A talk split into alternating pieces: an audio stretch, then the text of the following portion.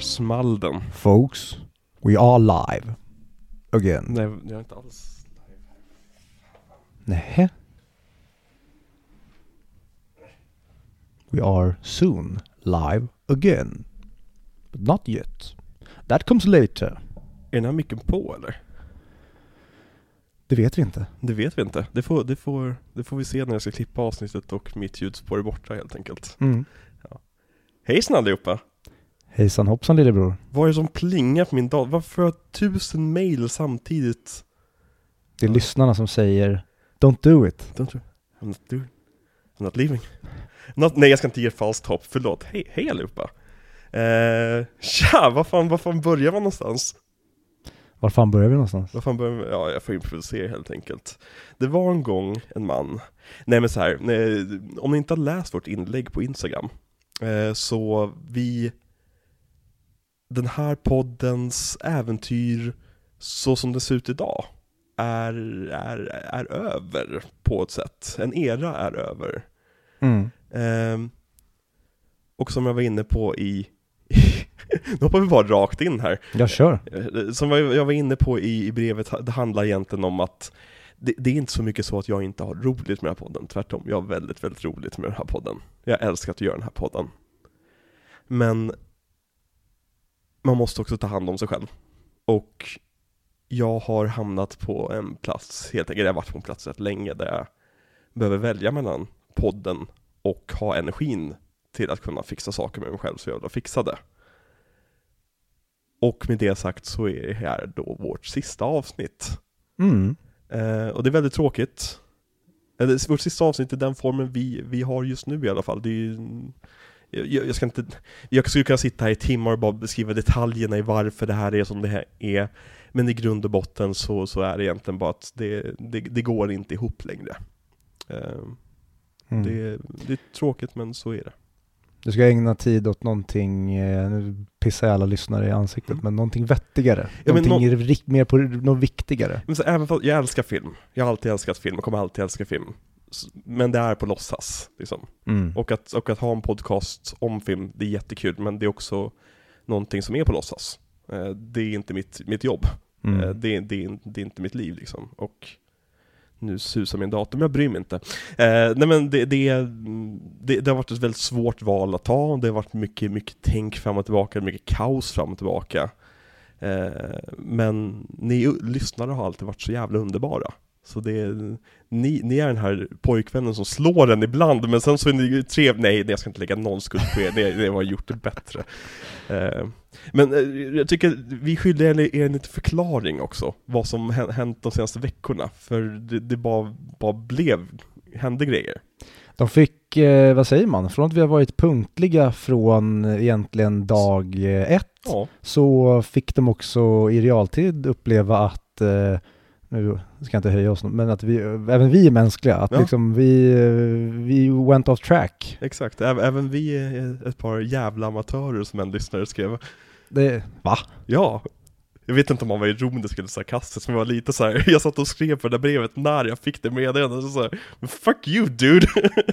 Jävlar. Ja. Nej men så här, så här var det. Vi spelade in ett Interstellar-avsnitt. Det blev ett jävligt långt avsnitt. Mhm. Över tre timmar långt. Eh, Mhm. fullsmockat. Och sen när jag skulle klippa ihop det avsnittet så var min ljudfil bara borta. Jag misstänker att jag har råkat ta bort den. Eller att den har försvunnit någonstans. Jag vet inte. Men det fanns liksom inte på kartan att spela in ett, in ett nytt avsnitt. För det här upptäcktes bara några dagar innan det skulle släppas. Eh, och det blev också en slags katalyst för mig i, i det här att Ja men, jag ska inte gå in på detaljer men det blev verkligen att det, jag fick överslag i, i ångest och oro och allt sånt där. Och behövde helt enkelt bara signa ut. Eh, vilket är väldigt tråkigt, men det, var, det blev så det blev. Och tennet, det är just för att jag inte, inte, inte klarade av det. Att spela in ett avsnitt. Eh, vilket är tråkigt, för att jag såg Tenet. Jag med. Ska, ska, ska vi börja där? Ska vi, vi kan göra så här först. Vi kommer till Tenet. Vi Exakt, vi kommer till Tenet. klart om det här bara. Ehm. men så, det var i alla fall därför det inte kom något Interstellar avsnitt, eller en Tenet-avsnitt. Men Dunkirk hann ju spelas in däremellan, med Mm. Bill Bear. Eh, så, så det släppte vi istället. Mm. Hoppas att ni tyckte om Tenet, nej, det Dunkirk-avsnittet. För det tyckte jag blev ett väldigt roligt avsnitt. Ja, Eh, väldigt laid back och chill. och eh, flera roliga sidospår. Verkligen. Det är kul grejer. Ja. Mm. Men eh, med det sagt så är det ju, det är skittråkigt att det blev som det blev. Mm. Men i slutändan så blev det ju en, eh, vad säger man? Det var lite Gud som sa, skit i det här, fokusera på någonting som är på riktigt istället. Mm. Och med det sagt så, vi, vi, vill, vi vill inte lova någonting just på grund av att det är så här, vi vet inte hur framtiden ser ut. Men både, ingen av oss känner, känner oss riktigt färdiga med att podda ändå, och det är inte så att, det är så att vi är trötta på att podda. Utan vi tänker någonstans att vi kanske släpper någonting när vi känner för det. Precis, får, får vi lust, eller liksom som nu när podden har tagit så mycket tid, Mm. då har det inte blivit att vi har hängt som vi gjorde innan. Nej. Så att på det sättet som var tanken när vi skulle starta podden. Och då nu istället när vi kommer få massa tid över till då att kanske gå och se fler biofilmer Mm. eller bara ha en filmkväll så är tanken i alla fall att ja men när, när lusten är där och Mm. det finns inget tvång ja men då är det klart vi kan sätta igång mickarna och spela in. Exakt. Så att eh, om ni nu inte måste frigöra massa minne i er telefon Mm. som vår enorma podd tar upp i er poddspelare.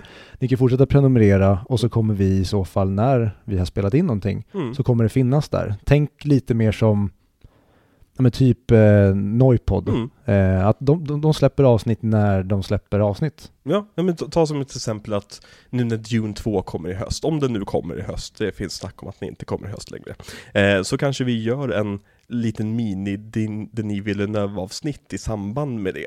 Där Mm. vi pratar om, om hans karriär. eller- Franco Racci. En, Franco, en typisk Franco Racci, exakt. Eh, Patreon-feeden flyttar in på huvudfeeden helt enkelt. Ja men typ. Ja, men- och den stängs ner. Och det, det sa också, jag vet inte, jag har skickat ut det här till alla Patreons, men om det är någon Patreon som har missat det, jag har fryst Patreonen. I, jag försöker lista ut hur vi ska göra så att vi kan spara allting som ligger där. Men kan det inte bara ligga kvar? Det, man kan bara radera Patreon-sidor. Men, Eller eh, frysa dem. Men vi kan väl skicka ett meddelande och så får den ligga kvar. Skulle det vara någon som mot förmodan stannar kvar som Patreon Mm. Eh, så får man väl göra en slags återbetalning om någon kommer på det lite senare. Det, jag kan frysa den i en månad sträck. Så det är det jag sitter och tänker på just nu. Till, alltså kanske vi kan släppa det på mig vi, vi, vi pratar ihop oss med hur vi gör med, med Patreon, men vi kommer Ja. inte dra några mer pengar från er i alla fall. Och vi har, tack så jättemycket för att ni har varit Patreons. Ja, och ni som har eh, varit 100 kronors Patreon som inte har fått era 100 kronors avsnitt, det är bara att skriva till oss så återbetalar vi er. Det har jag, jag redan gjort. Ja, men då så. Däremot så, jag är väldigt sugen på att se den där Almodovar-filmen dock. Jag har sett den. Du har sett den? Mm. Okej, ja nice. Så jag kan bara säga att jag tyckte väldigt mycket om den. Vad kul, vad Mm. kul. Då kanske jag ser den någon gång och sen så kanske vi som sagt gör då en, en specialare åt dig. Ja, På, på den, som, jag minns inte namnet längre, eh, på den som önskade The. Skin I Live In. The Skin I Live In, ja. Eh, såg även eh, Yorgos Lantimos eh, Dogtooth. Mhm. I- Jag, nej, jag ska inte säga att någon är min favorit, men Yorgos Lantimos, mm, Underbar man. han förstår mig. Ja. Fan vad bra han är. Och den var jättebra. Mm. Nej men han, jag är så taggad på hans nya film. Mm, Jag har inte sett trailern till den, men eh, posen såg helt makalös ut. mm. Verkar fucked up som all, an, han, an, all, all hans, alla hans andra filmer. Ja. Men med det sagt, ska vi säga hej och välkomna tillbaka till Audio Videoklubben. Och ska jag köra You dropped the bomb on me. Men den eh, kan jag inte mer ifrån än att den går så. You dropped the bomb on me. Så får man sjunga Baby, you dropped the bomb on me. Vi skulle kunna köra Crawling in my skin Ja. igen. Eh, Audio videoklubb. Det är en väldigt bra podcast. yeah! Eller ska man bara egentligen köra en, det måste ju man göra när det är sista avsnittet. Mm. Audio video, en, En bra, bra podcast. Det är mina önskestövlar. Mm. Mm. Gud, det här känns lite vemodigt. Ja, Kul. ehm, Ja. men jag ska- tänker att vi, eh, vi tar några tankar om Interstellar. Vi, vad ska vi prata om den här veckan? Eh, vi har precis varit och sett eh, Robert, J. Robert Oppenheimer på bio. Ja, gick du och såg Oppenheimer? Såg du Barbie? Ja, jag trodde vi skulle prata om Barbie. Ah, nu blir det stelt igen. Jag kan improvisera ihop mina åsikter om Oppenheimer. Mm. Nej men så, vi ska prata om Oppenheimer. Yeah. Christopher Nolans nya och senaste film. Mm. Som ett av, så ska vi avsluta Nolan-miniserien. Ja. Och så ska vi lägga lite finaltankar för podden också. Mhm. Och det är, väl, det är väl det vi tänker göra idag. Ja. Så strap in och strap on så kör vi. Mm. Jag har på min strap-on. Jag ser det. Eh, Interstellar. det avsnittet försvann ju. Ja. Eh, vad tycker du om Interstellar? Fem av fem. Mm. En av de bästa filmerna som har gjorts. Ja. Eh, jag, eh, som jag sa i avsnittet som inte finns, Mm. så hade jag, eh, den hade sänkts lite i mina ögon. Mm. Och eh, den här gången så tog den mig på sängen. Jag trodde att jag skulle kanske sänka den ett snäpp till. Mm. Men den är fantastisk på ett sätt som ingen annan film är fantastisk. Så jag Mm. håller det som en, ja, jag skulle lägga den kanske på en topp 10-lista. Mm. För den är så, den är så bra. Den är så bra. Ja, och jag höll med dig om det. Det, det, det är verkligen en sån här film som har växt för varje visning så jag har sett den. Första gången var jag lite skeptisk till den. Eh, det var någonting där som inte klickade riktigt. Och sen för varje gång jag sett den så blir det bara bättre och bättre och bättre. Och den här visningen så var det verkligen som att jösses, det här är på 2001 nivå. Mm. Alltså när det kommer till innovativ och typ vetenskapligt baserad sci-fi. Ja, och jag sa det också i avsnittet att jag såg den här åtta gånger på, eller jag såg Interstellar åtta gånger på bio. Eh, och sen var det som att jag hade förätit mig på den. Eh, den sjönk och jag började nitpicka för mycket i den. Blev för kinkig till att vissa delar var så här, men så där har inte jag gjort det. Men nu när jag såg den var jag helt... Jag hade, det fanns inga murar. Nej. Den sprang rakt in i mig varenda liten sekund. Jag tycker att det är en av de ja men både sci-fi filmer men även liksom action-elementen i dem. Mm. Alltså dockningsscenen tycker Ja. jag kanske är den bästa actionscenen som har gjorts. Det finns ingen actionscen tror jag där jag sitter så fastspänd och det känns som att jag roterar med det hela. Exakt. Och det är få filmer jag gråter så mycket till. Mm. Den, den, det är en film som man gråter till ofta under filmen. Ja men det är också så här, det här med gråta till den filmen, det, det blir det blir bara värre och värre för desto äldre man är. Ja. Desto mer du kan relatera till Cooper snarare än Murph Mm. i det, så blir det verkligen att jösses vilken kraftfull sekvens när han åker iväg där. Ja. Eh, ja, det, Matthew McConaughey är en jävla stjärna alltså. Mm. Synd bara att han, hans karriär verkar gå lite i stå nu. Ja, han har blivit ihopbuntad med eh, liksom extremhögermänniskor i Mm. Hollywoods ögon för att han gillar att prata med människor och inte håller sig till en politiskt korrekt linje utan är han kritisk mot något, då säger han det. Det låter lite som film vi ska prata om den här veckan. Ja, Men det ska vi inte prata om än. nej. Har, har du mer tankar om Intel lite kort eller ska vi? Nej, eh, jag kan väl säga att lyssna på Interstellar-avsnittet, fast den, det stämmer ju inte idag, för jag vet att jag var väldigt kritisk Ja. i 100 mick eh, Interstellar-avsnittet, och det är ju inte idag. Jag eh, älskar den filmen eh, omdömeslös nästan skulle jag säga. Mm, Jag eh, tycker så mycket om den. mm, jag med. Och en av de bästa musikskåren som någonsin har gjorts. 100 procent. Jag älskar Hans Zimmers musiken. Ja, den alltså, är- Alla orgel. Det är så jävla häftig grej att så här, vi ska göra en film om rymden, vad använder vi för ljud?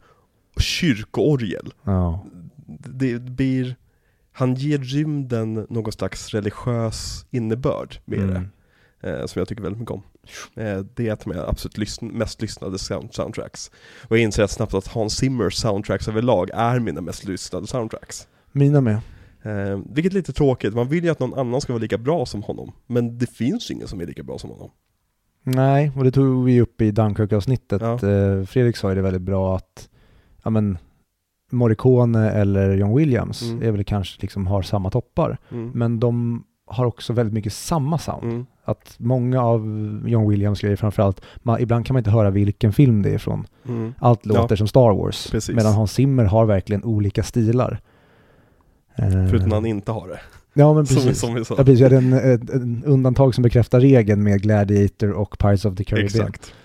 Ehm, så det är väl det om Mm. Interstellar. Ja. Tenet då?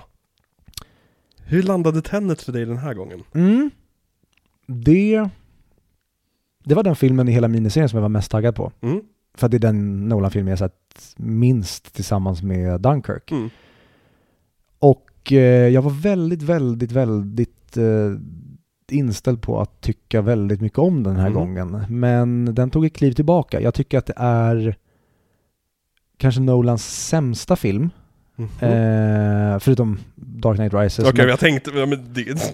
men jag tycker att det är hans sämst utförda film. Eh, Mhm. Jag tycker inte att eh, David Washington funkar mm. eh, som protagonist. Jag känner ingenting för honom. Mm. Jag satt och bara tänkte, va, hallå, du har eh, Andy Taylor-Johnson här. Mm. Va- Varför spelar inte han protagonisten för? Ehm, eller Robert Pattinson. Ja. Eh, och sett David Washington då, han har varit jättebra tycker jag i eh, Taylor-Johnsons roll. Ja, precis. Eller som Neil. Ja, det har han också Mm. kunnat vara. Men jag tycker inte att han funkar i filmen. Ehm, jag tycker att filmen känns lite underarbetad. Det känns som att alltså, konceptet i sig Mm. är ascoolt. Hur de använder det är ascoolt. Men delarna med framförallt ehm, Saito heter han inte. Han heter, Sator. ja nästan. eh, precis, Sator. Eh, jag tycker eh, Kenneth Branaghs dialekt, den, eh, jag hoppades på att jag hade kunnat förbise den. Mm. Jag tycker inte han funkar alls. N- när han eh, drar sin liknande om Tiger eller Lion och Mm. sparkar henne så cringear jag nästan. Jag, jag, jag blev inte alls, in, jag tyckte att det kändes, eh, var du på väg att regissera en helt annan roll åt Kenneth Branagh här men du gjorde honom typ lugnare resten av... Det är så kul med Kenneth Branagh i den filmen för att jag satt och förvänt, var beredd på att jag skulle hata honom den här gången. Men jag vet inte, det var någonting med honom typ som funkade bättre än någonsin för mig. Jag typ förstod hans wavelength på ett sätt. Eh, men ja, ja. Eh, Och eh, jag tycker, eh, jag, jag köper inte alls eh, protagonistens eh, skuld eller anknytning till eh, Elisabeth Debicki's karaktär. Det blir som att liksom, Hon är det största svaga kortet rent manusmässigt ja, i den filmen. det, det är som att då, då, då hade de behövt göra mer att de, var, de blev typ förälskade. Mm. För nu blir det bara som att Ja, sorry, jag lurade dig lite. Ja. Så nu ska jag ta med dig här. Och han håller på att fucka upp världens öde på grund av att hon... ehm, Including my son. ja, precis. Och sen så här, ja okej, eh, jag förstår i ett större perspektiv att det är en, liksom, en framtida protagonist som Mm. vet mer, som vet att hon behövs i, eh, som en pusselbit. Mm. Det, det kan jag köpa, men jag tycker inte att filmen får det att funka. Ehm, så jag tycker att det är hans... Eh, jag förstår verkligen folk som kritiserar Nolan för att han är kall. För Mm. jag tycker det är hans kallaste film, där jag inte känner så mycket för någon egentligen. Men det kanske är hans, tillsammans med Interstellar, hans coolaste film visuellt. Den, vad han gör med liksom pincer movement-grejen och, hela Och och konceptet. tänka på det som händer, Ja, i, liksom, så att man får stånd i hjärnan liksom. Ja, men däremot var det första gången som jag verkligen, vad säger man, jag greppade konceptet mest. Mm. För innan har det varit att jag haft svårare att hänga med, eller Mm. nu var det verkligen att jag tyckte det, det flöt på perfekt. Men Mm. filmen i sig, jag tyckte inte den var så jättesnygg. Mm. Eh, Hoyte är ju, alltså Hoyte, alltså Interstellar är ju så jävla snyggt fotad. mm. Att det är svårt att säga så här, men Hoyte har inte samma öga som typ Fister. För att jag känner att vi vet inte riktigt än, eller kanske vet vi det, jag vet inte. Men jag håll, håller med, den är inte så snyggt fotad alls, Tenet. Nej, det, det, ehm, jag önskar verkligen att ehm, han hittar tillbaka till att Fister skulle börja fota för Nolan igen. Mm. Det hade varit kul att se för där, för mig är verkligen Nolans fotostil är Fister. Mm. Eh, och Hoyte har mer varit som men rebound-personen. Mm. Det, det blir inte som det har varit, fast det också är jättebra på ett annat sätt. Så Mm. det, det, det inte är den äkta kärleken, Nej. den första kärleken. Eh, och eh, vad mer om Tenet? Mm, nej men den, säger man, den, jag hade tråk, tråkigare mer än, eh, alltså jag, jag var inte så, eh, jag brukar alltid sitta högt i Nolans filmer, Mm. men i den nu när jag såg om den så var det, ah, det- alltså, jag vet inte vad det är, det, det kändes som tråkigare miljöer. Eh, musiken tycker jag mycket om eh, på många sätt. Men det är inte Hans Zimmer. Mm. Ludvig Göransson är inte Hans Zimmer, även fast jag tycker att han gör ett jättebra jobb med den. Windmills är ett spår jag tycker väldigt mycket om. Mhm. Och eh, även men, hur han leker med att få ljudet att låta baklänges också är Mhm. coolt, men det är inte alls eh, Hans Zimmer och jag vill verkligen ha Fister och Zimmer med Nolan. I alla fall Zimmer. Alltså, Ja, hellre Zimmer Ja. än eh, Fister, men gärna båda två. ja. Eh, Så det är synd. Mm. Ehm, Jag sätter ett, en tre och en halva eller en fyra, jag kommer inte ihåg vad jag satte på den. Mm. Men den är nog en fyra för jag tycker att den är så jäkla bra, eller Mm. bättre än det mesta. Men det är en väldigt svag prestation tycker jag av Nolan som, Mm. där det känns som att manuset är lite underarbetat på bekostnad av konceptet. Han har verkligen fokuserat på hur ska vi få det här att funka så att känslan och karaktärerna har fått stå åt sidan. Ja men, nu ska vi inte hoppa in på Oppenheimer än, men jag håller med dig för det mesta. Eh, Jag känner att jag har en, en mer positiv ton till den, men vi sätter samma betyg på den, Mm. 4 av 5. Jag, jag älskar att se Tenet, eh, trots brister. Eh, för att jag har så kul med Tenet. Mm. Och jag har sett det så, så många gånger nu, men jag upptäcker fortfarande nya saker. Mm. Som att det finns en typ en hemlig subplott i den om hur den här organisationen Tenet växer sig fram i bakgrunden av filmen. För att i början av filmen vet de knappt att tidsresan ens funkar. Men slutet av filmen har en armé som kan åka eh, van, van som satan genom tidsmaskinen. Mm. Och det är för att de har åkt fram och tillbaka. Så fort, det är det är som i, i Primer, att så fort du börjar introducera tidsresa till en tidslinje så kollapsar tidslinjen Mm. av att informationen kommer fram och tillbaka så mycket. Och sådana saker så att jag upptäcker varje gång jag ser te- Tenet. Mm. Och det gör så, jag har så kul med Tenet och sitter där så här, Vänta, okej vänta, vad händer på riktigt nu då? Bilen åker baklänges, det, det är det jag ser, men, men för människorna i den riktiga världen, vad händer nu liksom? Och det, det här med att du är vid en turnstile, så bara dyker upp en människa där. Han, som textet för ditt, ditt perspektiv, teleporteras ut ur den här turnstilen. Mm. Men för honom är det bara så att han sprang in och sen sprang ut på andra sidan. Men rent fysiskt sett har ju han teleporterats fram där nu. Mm. Eh, och det är sådana så här grepp, att, grepp jag tycker är roligt. Mm. Det känns som att Tenet ger ens hjärna, det, det är lite ett litet träningspass för hjärnan. Ja. Att sitta och försöka hänga med på allting. Jag säger inte att det är avancerat, att plotten inte är avancerad. Men just att faktiskt greppa vad det är som händer när saker händer, är väldigt Mm. roligt. Jag hå- håller med, och verkligen. Konceptet och allting får han till klockren. Jag håller Mm. med om att det är skit, den är cool att titta på. Jag önskar bara verkligen att han hade fått till eh, karaktärerna, för det är för mig att jag är inte så intresserad. Jag Mm. bryr mig inte så mycket om eh, protagonisten.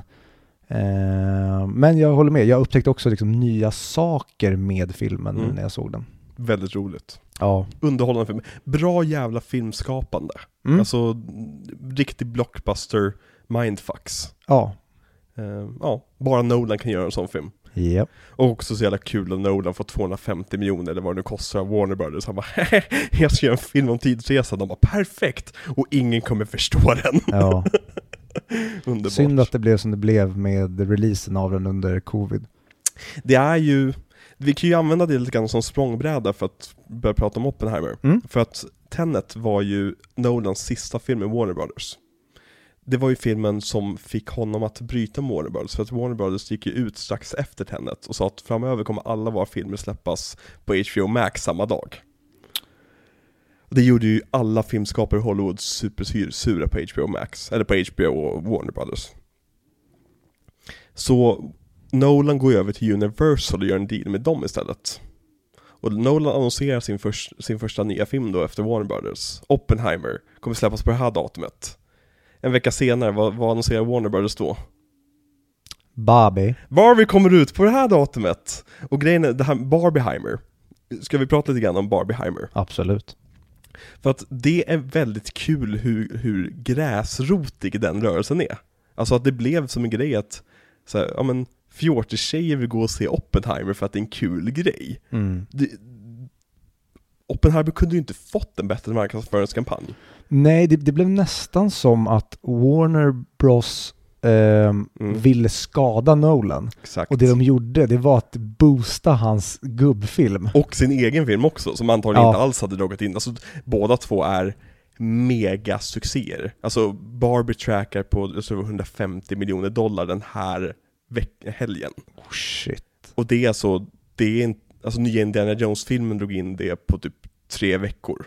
Jävlar vilket magplask den blev. Alltså, jag vet ingen som har brytt sig om Nej. den. Det, det är verkligen, det, det är just det, ingen brydde sig faktiskt om nya Indiana Jones. Eller vad jag vet, jag har aldrig pratat med någon som har brytt sig. Nej, ehm, nu tycker jag inte det verkar som att det har varit en jätteboom kring den heller. Nej. Men Mission Impossible var ju också, alltså Den, den, är jag den, chockad över. Ja jag trodde det skulle vara eh, Top Gun-effekten. Ja, den har gått genuint dåligt i USA. Jaha. Vilket är jättekonstigt för det var just det här med Tom Cruise-effekten innan. Mm. Han var ju ute och verkligen I'm the president of Hollywood och popcorn, I love my popcorn and movies. Eh, jag, jag är lite fundersam på vad det kan bero på. Om det som kanske var att den släpptes samma vecka som strejkandet verkligen drog igång. Mm. Eh, att det blev typ en grej att vi ska inte gå och se Hollywoodfilmer för vi- vi strejkar med de strejkandes. Mm. Och det är också en sån här sak som jag har tänkt på väldigt mycket när det kommer till så här, vad vill jag hålla på med i dagligt liv? Vill jag vara en del av den här filmvärlden som just nu håller på att imploderar? Ja, det är otroligt vad...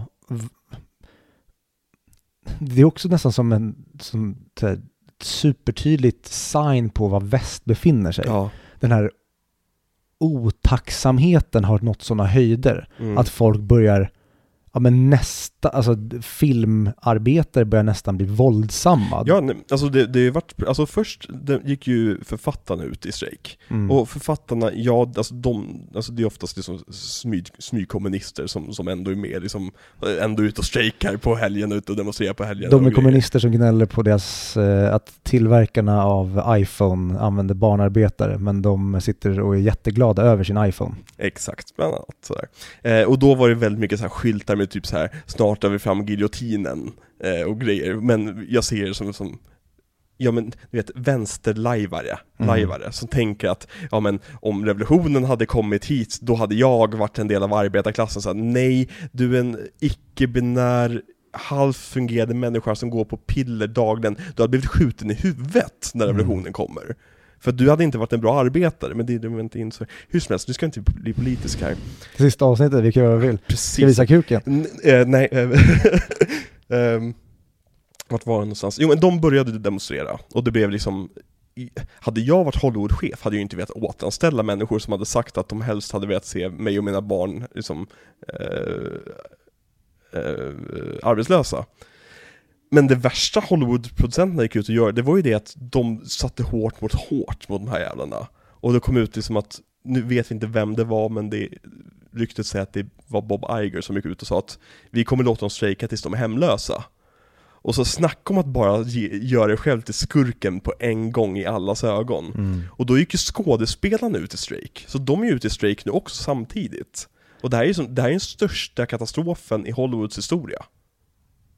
Hollywood har aldrig varit i ett sånt här hårt läge. På 60-talet hade båda strejk samtidigt. Men det här är alltså revolutionär stämning. Mm. Ron Perlman, en skådespelare vi alla känner till, gick ut på sin Instagram och praktiskt taget hotade att bränna ner Bob Igers hus. Och sa liksom att det finns fler sätt för, för folk att f- förlora huset på, så tänk försiktigt vad du säger.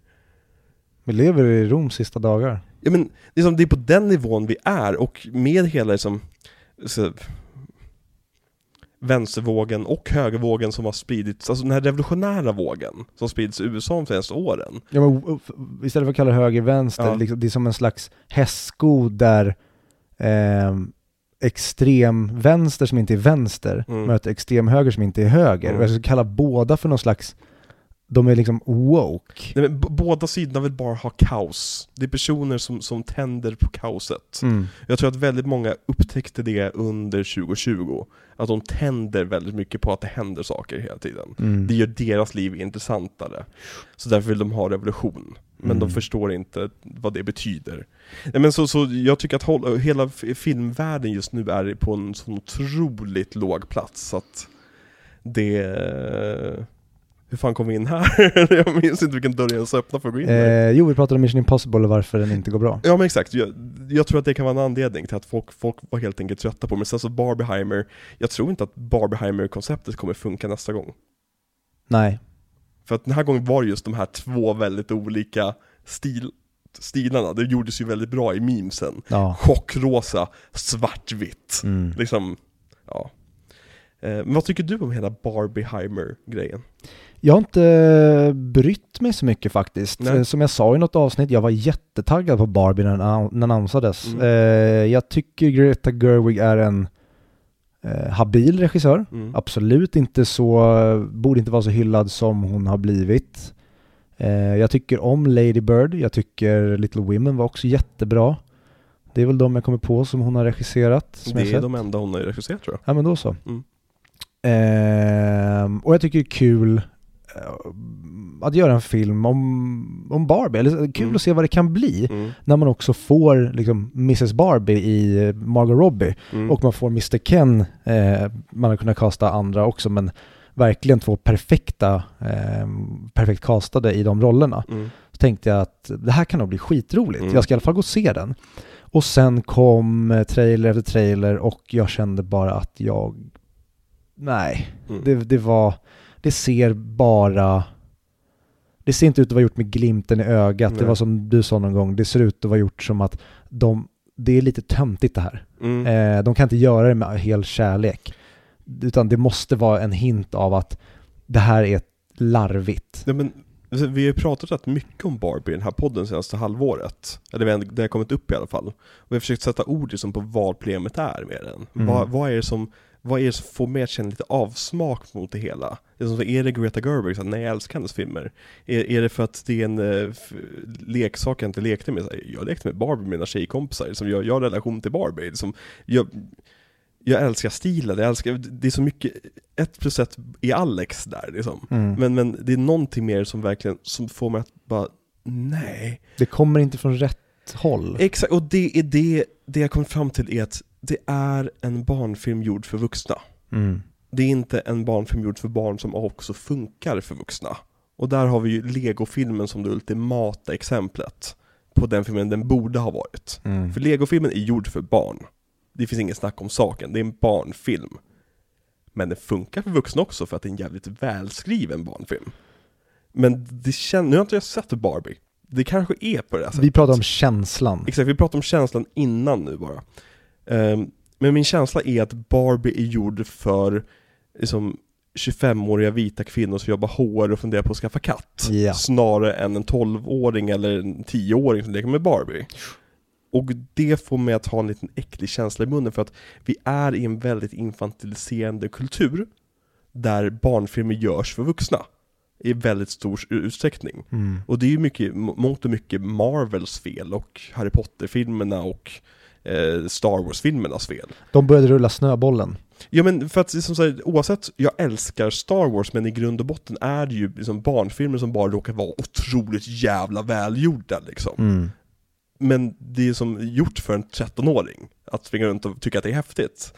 Och samma sak med Marvel, och det känns som att vi har glömt det. Vi har glömt att de här filmerna som vuxna älskar inte är gjorda för vuxna, utan de råkar bara vara välgjorda nog för att vuxna skulle älska dem. Mm. Och då får vi filmer som, det är därför jag tyckte, jag tror samma reaktion i mig när det kommer till kanske inte just Spider-Verse, men nästan varför jag inte tyckte om Spider-Verse så mycket. Alltså att- nya. Ja, precis. För att det känns som att det här är gjort för animationsnördar som är vuxna, snarare än liksom, min brorson, som Mm. skulle älska att en spi- animerad Spiderman-film.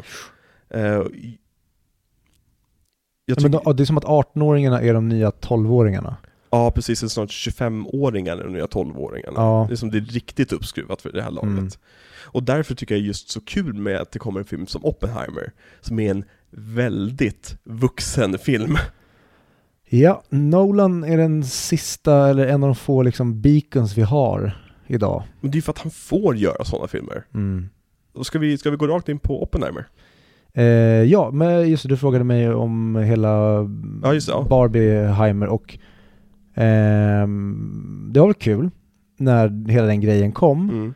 och att det skulle säga vilken är den som kommer eh, bli den stora, vem, vem kommer vinna? Mm.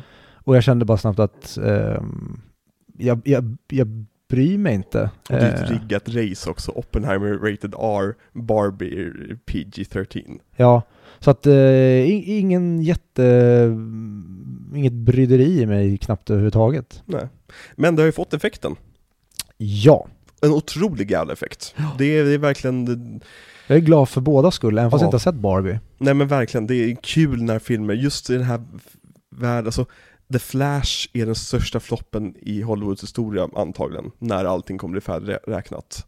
Baserat på hur mycket de har lagt ner på det här projektet, baserat, eh, jämfört mot hur, vad den drog in. Fan vad den förtjänar det. Ja, Bara för att de har äckliga jävla, som jag glömt bort, Ezra Miller. Ezra Var inte du Miller. ett fan av Ezra Miller efter det kom fram saker om hans privatliv? Jo men jag, jag gillar hans person, men inte skådisen. Okej.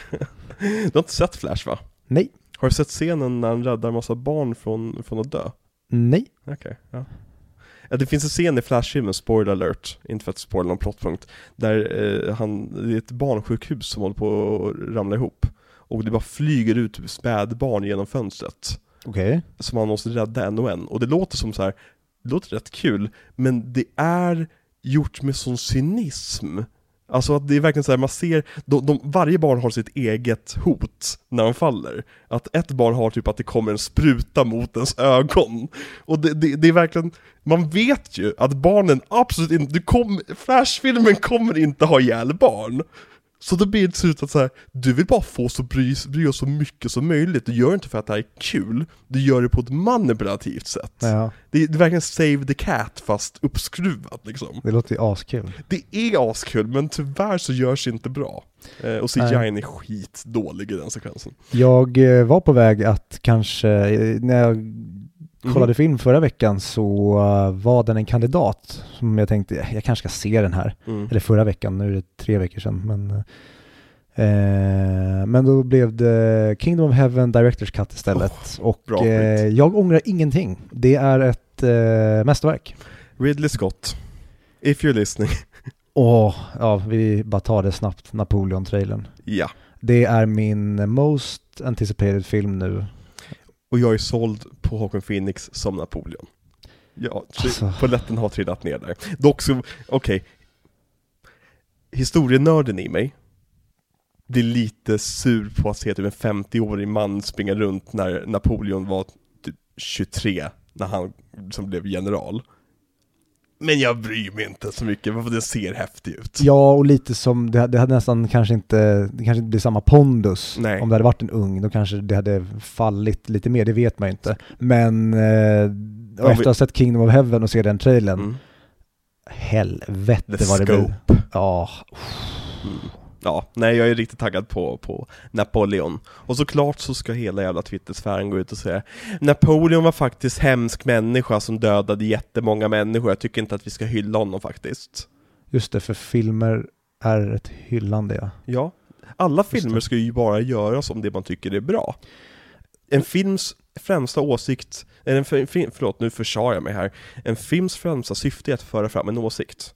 Ja, för det, det, det ska bara handla om människor som vi vill ska få reklam. Mm. Det ska bara spelas av personer som är som personerna de spelar. Så Mm. de ska inte spela, de ska vara sig själva. Eh, och som du sa, det, det får bara vara eh, om saker som ska få luft. Mm, precis, vi, vi, vi kan ju aldrig ta fram någonting som faktiskt har någonting tvetydigt eller någonting som faktiskt är rent av dumt i sig. Nej precis, för då kommer ju inte folk bli dumma om de ser det. Ja, de kommer ju, de kommer ju heja på Joker. Men alla, exakt, Joker var det jag skulle ta upp. Alla vet hur många massskjutningar det blev, efter Jokern. Vill vi ha det så igen? Vill vi att folk ska springa runt och skjuta kanoner på varandra vid salongen när Napoleon släpps? Ja, det Tänk kommer nu. Jättemånga diktatorer efter det. Ja men verkligen, alltså Frankrike kommer vara fullt av korta, illaluktande suputer som inte kan tillfredsställa sin fru. Fast vänta, det kanske är precis det Frankrike kommer att få nu, det- efter kaoset. Fuck. Nej jag ska inte prata skit, jag älskar Frankrike. Mm. De, eh, dragspel. Om vi har lite för lite revolutionskultur i vårt folk, så har de lite för mycket revolutionskultur i sitt folk. Det är som. Smör slut på Ica. Jaha, då får vi gå ut och demonstrera igen då. Ja, Jag älskar fransmännen. för oss är det så här. ehm, vi har ingen el i våra hem snart. Äsch, slå på På spåret. Exakt. Ja. Men ska vi prata om Oppenheimer då? Vi pratar om Oppenheimer. Poppenheimer. Vad tyckte, vad har du för relation till Oppenheimer? Vad, vad, vad tycker du? Vad tycker du? Jag eh, har inte jättemycket relation till Oppenheimer. Mm. Jag eh, har blivit sugen på att sätta mig in mer i hela Manhattan-projektet efter det har annonsats. Eller filmen annonsades. Men jag valde att inte göra det för jag ville gå in så fresh som möjligt och bara få den här berättelsen eller vinkeln vad det nu skulle bli berättad av Nolan. Mm. Men nu är jag väldigt mycket mer taggad på att eh, grotta mig in i det hela. Mm. Eh, och framförallt det är häftigt hur, vilken timing den här filmen har. Mm. Med tanke på att vi lever med kärnvapenhotet över våra huvuden idag. Mm. Eh, vi skulle kunna säga att vi befinner oss i tredje världskriget idag.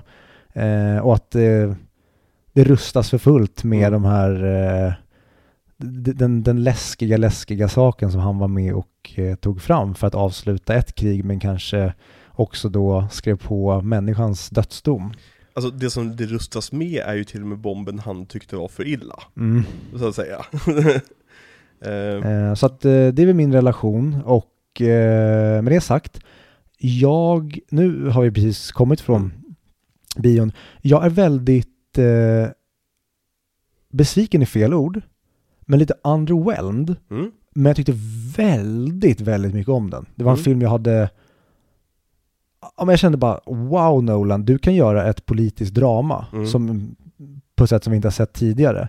Men jag kände mig också lite stulen på konfekten. Jag Mm. väntade mig någonting, inte kanske större, men jag väntade mig någonting mer. Det blev tre timmar som jag kände att vad, vad hände egentligen? mm, mm. Vad, tog de här tre timmarna vägen? Det är gott och på ont. Och det är egentligen typ, om du inte har sett filmen och tänker så här, jag vill lyssna på avsnittet innan för att se om jag ska se filmen eller inte. Eh, först och främst, vilken konstig grej att du tar vår åsikt och du ska se den nya Nolan-filmen, gå och se den. Men förbered dig på en rätt vuxen film. Alltså det här är inte Inception eller The Prestige eller Interstellar på något sätt. Utan det här är men som JFK, som jag pratade om för några veckor sedan. Ja, och det närmaste man kommer i Nolan-väg är ju Dunkirk. Ja, precis, för Dunkirk är, Dunkirk är mer spek spektakulär tycker jag. Ja men den är eh, det, minst Nolanska. Det här är också, det här ska jag säga typ är hans minst Nolanska film. Ja, 100%. Det här är Nolan som testar en ny stil, i Mm. mina ögon. Och han rockar det. Ja. Men med det sagt så, jag vill ju allt som jag tror jag sa i något avsnitt, det kanske var Dunkirk, att jag vill ju helst se Nolan göra Inception, Interstellar, film. Det, det är det jag verkligen vill få. Precis. Eh, men med det sagt, jag, jag tyckte väldigt, väldigt mycket om det. Jag hade en väldigt bra biostund. Mm. Men det är så kul att Nolan med sitt namn har lyckats bait and switcha folk in i en, i en rätt, rätt, jag ska inte säga tråkig för det är den inte, men, men i gemene mans ögon, tråkig, tre timmars lång politisk thriller om typ moralismen bakom bomben, snarare än processen. För det var jag förvånad över, att det inte var så mycket processen bakom bomben. Mm.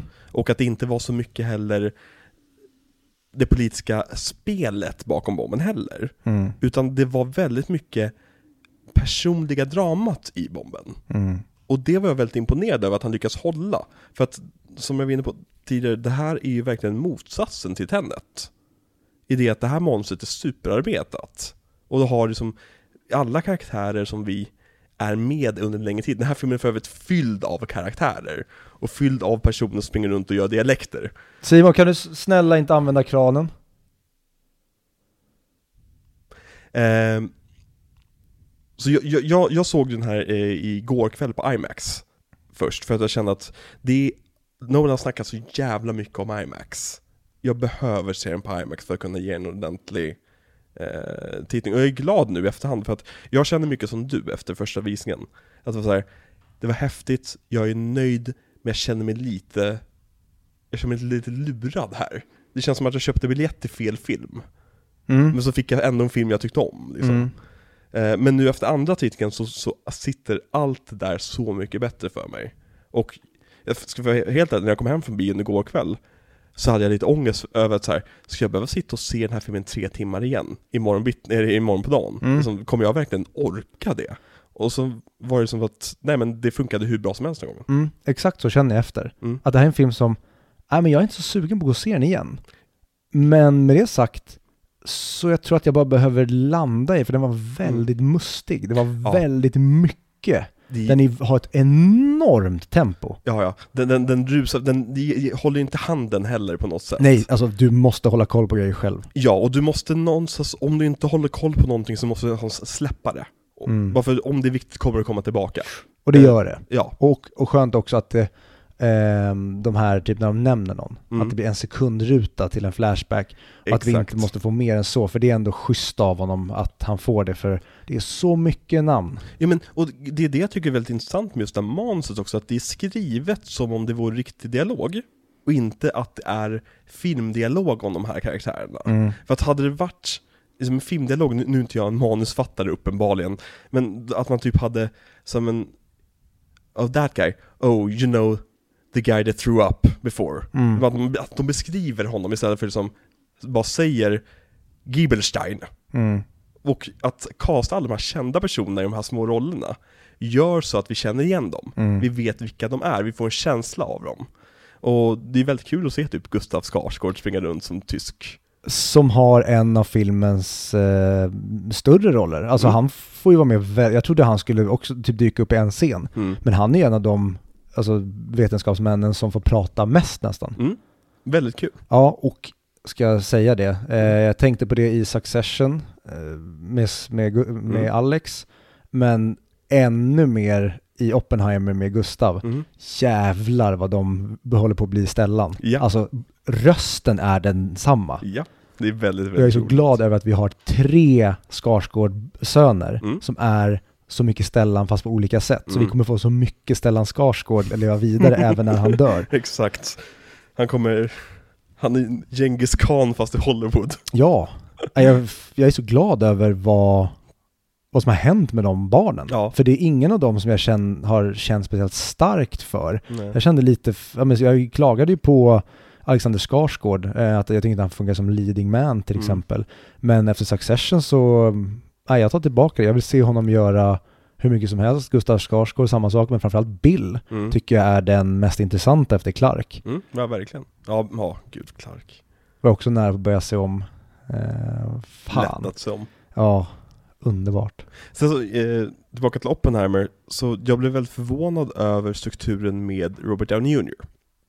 När jag såg den första gången. För jag trodde att det skulle vara mycket mer sammanlänkat. Jag trodde att Robert Downey Jr och Oppenheimer skulle typ jobba tillsammans. Ja, Eller att det skulle vara som att, att Oppenheimer var en del av hans rättegång på ett sätt. Och i en sämre skriven, eller inte sämre möjligtvis, men i en film som tar sig lite mer friheter med, med sanningen, mm. så hade, man kanske, så hade man kanske kunnat slå ihop saker och ting. Och göra det lite mer flashy. Att den, den vetenskapsman som kommer in på, på slutet, spoiler alert, att det är Oppenheimer som kommer för att få sin hämnd. Mm. Men den här filmen kändes verkligen, nu vet jag inte, den kanske är, hittar på jättemånga saker. Men den kändes verkligen som att så här, de tog den tråkiga vägen på saker och ting. Och det gör du bara om det var så det hände på riktigt. Mm. Eh, och det uppskattar jag jättemycket. Det känns verkligen som att vi fick en, en genuin, liksom, adap- inte adaption, en genuin visning av processen här. Mm. Eh, och det tyckte jag jättemycket om. Och Robert Downey Jr, så jävla skönt att se honom skådespela igen. Ja. Och inte, och att han inte fick en roll där det var så här, jo men du får använda lite grann av det du är van vid. Utan här fick han verkligen skådespela. Ja, och göra en skurkroll. Ja. Som in, man inte upp, man upptäcker typ halvvägs att det är en skurkroll också. Ja, Jag, jag, visste, jag fattade inte det förrän det började liksom nys, verkligen nystas Ja. ut under sista timmen. Mm. Den sista timmen har väldigt många kl- klagat på, Mhm. om den här filmen. att de tycker att den havererar. Och jag tycker att det är snarare tvärtom. Att det är typ den mest intressanta timmen. För där har vi, vi har ett tempo genom hela sista timmen där det bara känns som att vi bara korsklipper med varandra hela tiden. Bang, Mm. bang, bang, bang, bang, bang. Och det är jättekul att se. Ja, jag har, jag har ingenting ont att säga om den här filmen egentligen. Nej. Det är snarare mer att jag hade nog velat ha ännu mer av hans eh, psykiska nedbrytning. Mm. Jag hade nästan velat ännu mer eh, dramat mellan han och Kitty. Jag hade Mm. velat ännu mer av hennes alkoholism. Vi kommer till Kitty. Men även mer av Oppenheimers när, när han börjar få sina vanföreställningar. Ja. Jag trodde att den skulle vara mer skräckfylld på det sättet, men det var väldigt sparsamt också tycker jag. Och det, jag tycker synd för de här visionerna han får Mm. av den riktiga världen så att säga. Så jävla vackert. Ja. Varje gång de klippte undan till det var det som att så här, ja, ja, här har vi Nolan, har vi spektakel-Nolan på gång här. Mm. Men sen försvinner det från filmen lite grann och kommer bara tillbaka några gånger. Men sen har vi ju typ i mina ögon, öron, eller ögon, eh, filmens bästa scen när han ska hålla det där talet. Efter bomben är släppt. När han börjar se alla sprängda. Exakt, Mm. skräckfilmscenen. Och det blir helt tyst och sen blir det en jump scare typ av att folk kommer att eh, tacka honom. Ja. Och han liksom ser galenskap som sprider sig här i det att liksom så här, persons ansikten är helt förvridna av och ja, liksom. Och så har vi några som typ ligger och knullar och några som super och så, och jag tänker alltså det Nolan säger där är inte att de här sakerna faktiskt hände där. Utan det var så här det kändes för Oppenheimer. ja, för han är ju en subjektiv eh, berättare. Exakt, de färg, färgbitarna är ju subjektiva. De svartvita, bit, svartvita bitarna är ju objektiva. Mm. Så då blir det ju, ja, det, det, är väldigt, det är väldigt intressant dy- dynamik i den här filmen. Så jag, tycker, jag tror det är bra att den switchar fram och tillbaka med de här svartvita och färgbitarna. Mm. Ja, verkligen. Jag... eh, Ja men som scenen också när eh, Jean sitter på honom och när Kitty ser henne Mm. rida Ja, honom i ja! förhöret. Sånt vill jag ha mer, men det är för att jag är en sucker för psykologiska alltså thrillers där det blir verkligen visuellt. Men jag hade velat ha ännu mer galenskapen och jag hade Mm. velat ha nästan eh, kanske att den kom tidigare Mm. eh, hos honom. För att det gör den ju, eller Ja. de, introducerar väldigt tidigt att han nästan vaknar som Cooper gör i Interstellar. Mm. Han drömmer mardrömmar om vad han ser att eh, det, han, det han håller på med eventuellt kan uträtta. Mm.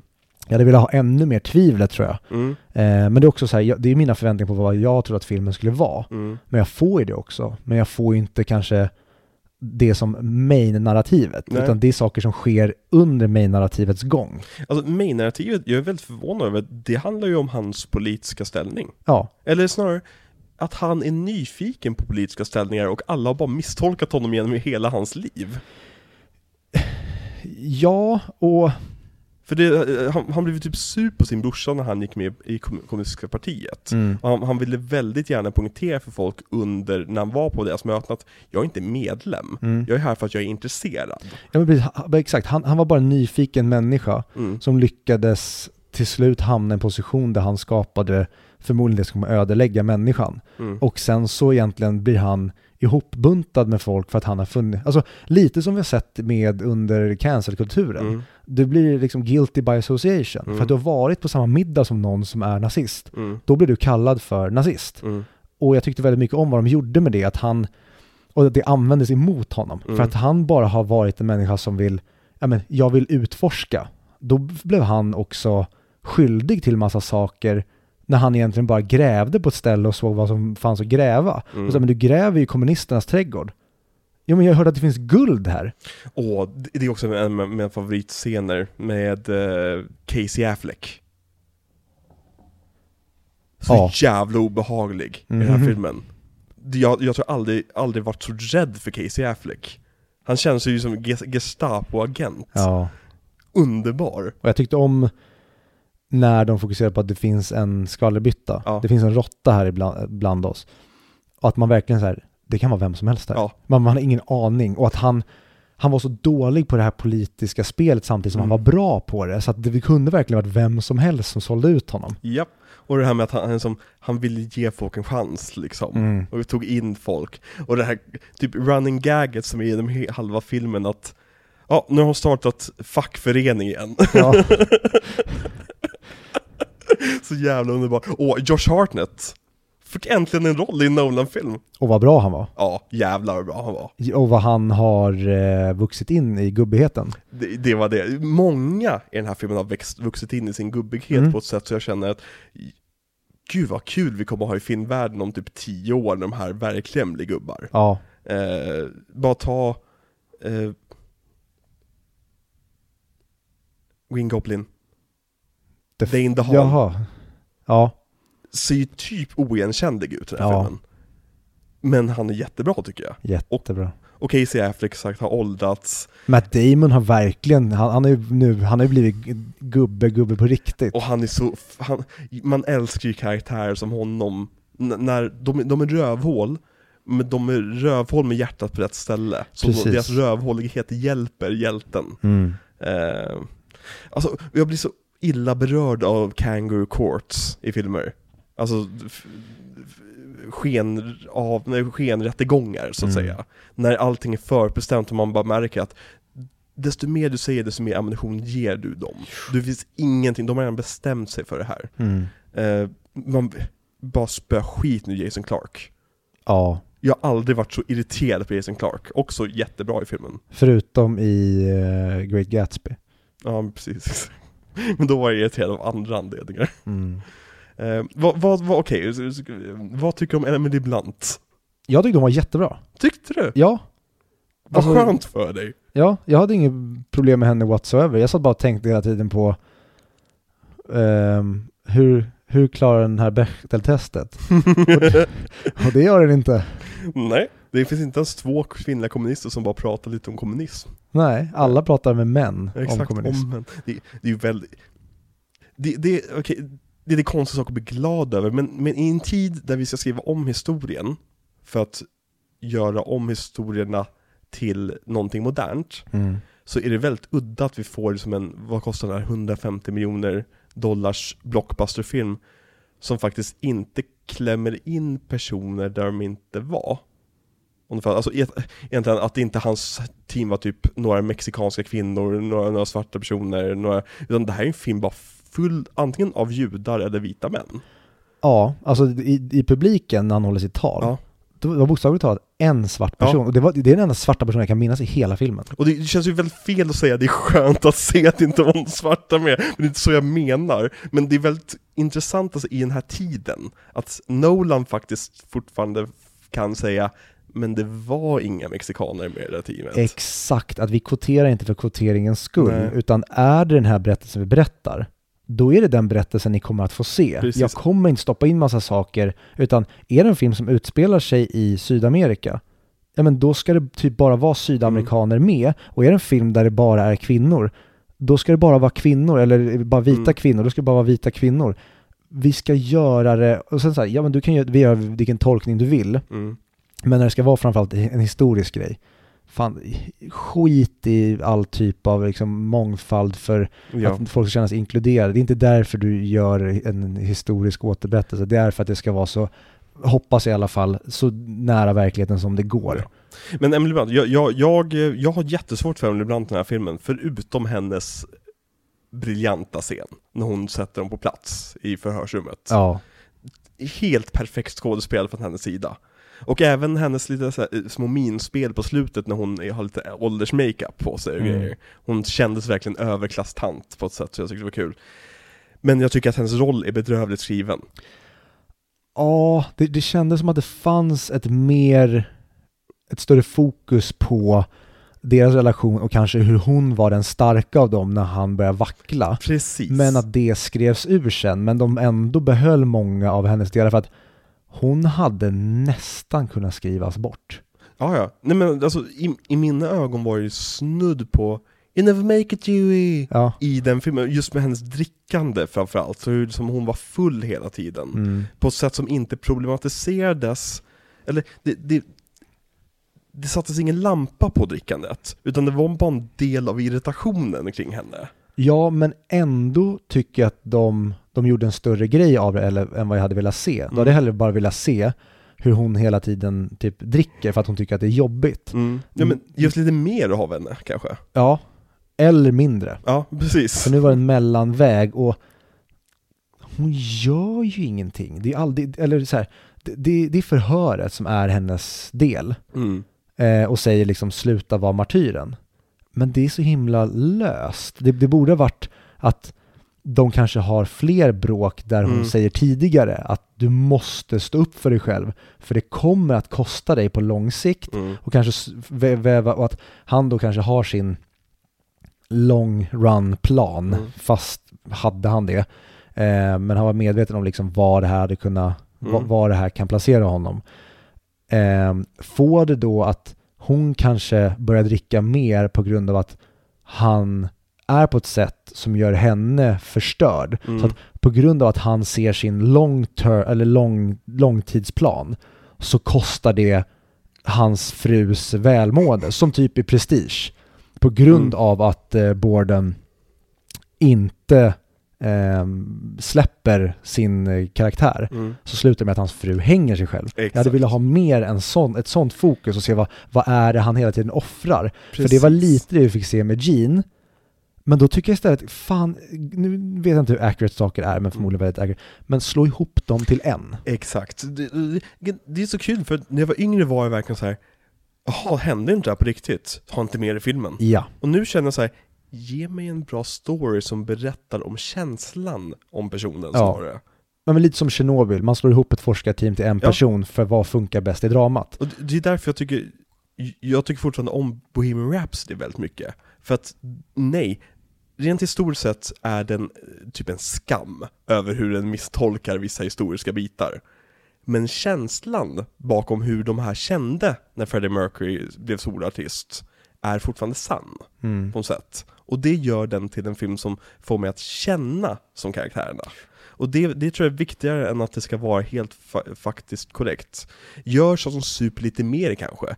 Skriv in en scen när hon, jag vet inte, hamnar på sjukhus för att hon har supit för mycket en kväll. Eller, eller barnet kanske blir, eh, finns en chans att den har blivit skadad en kväll. Eller någonting. Bara ge oss lite drama kring det. Ja, för det verkar också filmen var på väg in där, Ja. när de måste lämna ifrån sig barnet till Ja. deras nära och att han sitter och skäms Mm. och säger att vi är dåliga människor. Ja, men gör det mer till det då. Att Mm.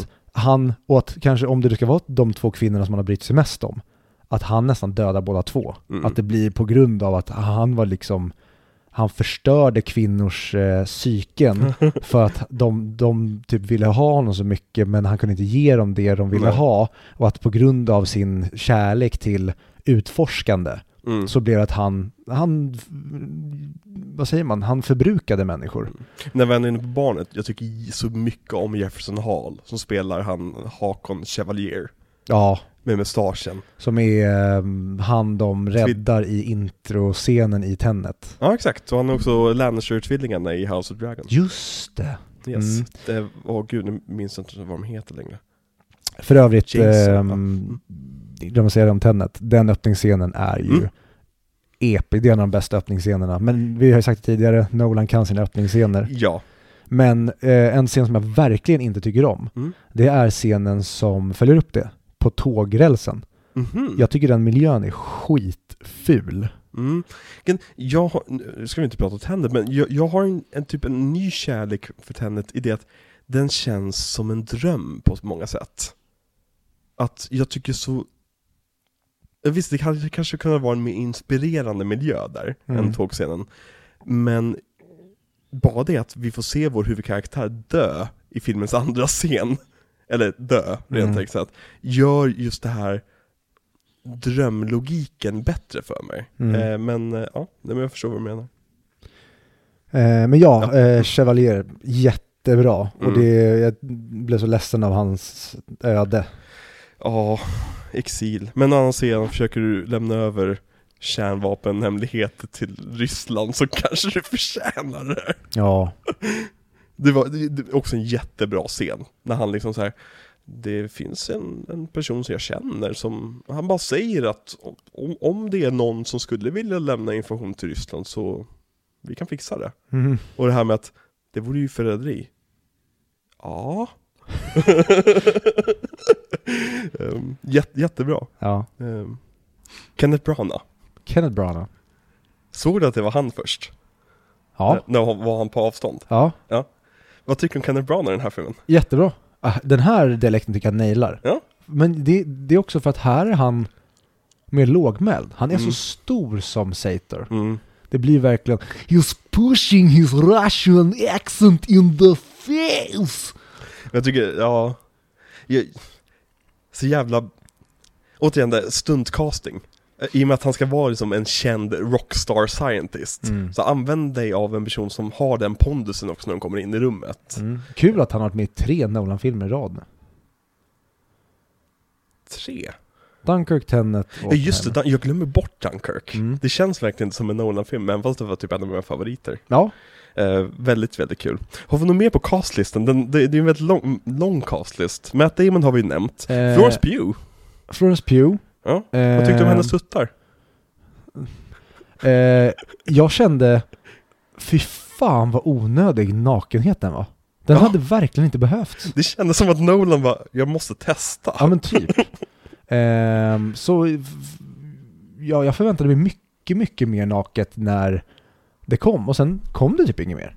Och då tänkte jag, va- varför behövde de vara naken för det här för? Då hade jag kunnat klippa, eller fota det här helt utan nudity och det hade kunnat göra precis samma avtryck. Ja, nej men det, det, det kändes lite, lite kul också att hon var naken. När hon väl började bli naken så var hon naken varje gång hon var med kändes som efter det. Ja, Ehm, men, Men- kul, kul för henne, I guess. ja. Eh, hon gör ju ett jättebra jobb. Ja, Eh, men vi har ju sett henne, vad säger man, rocka. Ja. Nu rockar hon inte, nu är hon ju en liten pusselbit. ja. Jag tycker det är intressant hur de lägger in små, små hintar om att hon eventuellt kan ha varit spion. Ja. Om att när hon ser eh, till exempel hans kompis och springa ut ur barbershopen Mm. när nyheten om att atomen har blivit klyvd då, då vänder hon om och bara går därifrån för det, det är lite trubbel, jag vill inte vara här. Ja. Eh, och lite sådana där saker, så det tycker jag är kul. Mm. Eh, men eh, hon, hon är ju knappt med i filmen. Nej. Men hon är väl, hennes ande är med i filmen dock. Ja, och jag hade velat ha, som jag sa, ehm, blanda ihop de Kitty och Jean Mm. i en karaktär och ge dem mer kött. För det Mm. hade verkligen kunnat göra en, en riktigt jobbig relation till dem. Ja. Nu blir det som att de får en halv relation var. Och det Eller- blir inte en hel. Jag tänker att man skulle kunna ha med Florence Pugh som ett spöke runt Oppenheimer ibland. Ja, jag, jag trodde att hon skulle vara ännu mer eh, pushande på hans psyke. Mm. Men eh, de höll sig borta från henne ganska mycket. Mm. Eh, jo, en som jag verkligen tyckte om Ja. var Alden eh, Einreich. Enreich? Vad heter han? Ja, eh, vänta. Ehrenreich? Ehrenreich? Alden Ehrenreich. Ehrenreich. Ja. Eh, tyckte han var jättebra. Ja. Och jag tänkte, fan vad jag hade velat se honom som Blake. Som Blake? Alltså i Dark Knight Rises. Ja, ja, Jag hade, ja. ja jag hade mm. typ såhär, oh han hade kunnat spela en Bruce Wayne. För att han levererar samma typ av dialog som, som, som Blake gör i Ja. den filmen. Eh, jag kan verkligen, jag, jag kan se Joseph, Gordon-Levitt ha den här rollen i en tid, tidigare variant av Oppenheimer. Mm. Eh, mm. Så jag blev väldigt positivt överraskad av eh, honom. Jag tycker han är bra som hans solo också. Jag tror det är Ja. enda typ jag sett honom i, jag kan komma på. Eh, would it were so simple? Vilken är det? Heil Caesar, den sett Heil Caesar? Jo men, Han är ju den skådespelaren som inte kan prata som eh, Ray Fiennes måste jobba med så mycket med.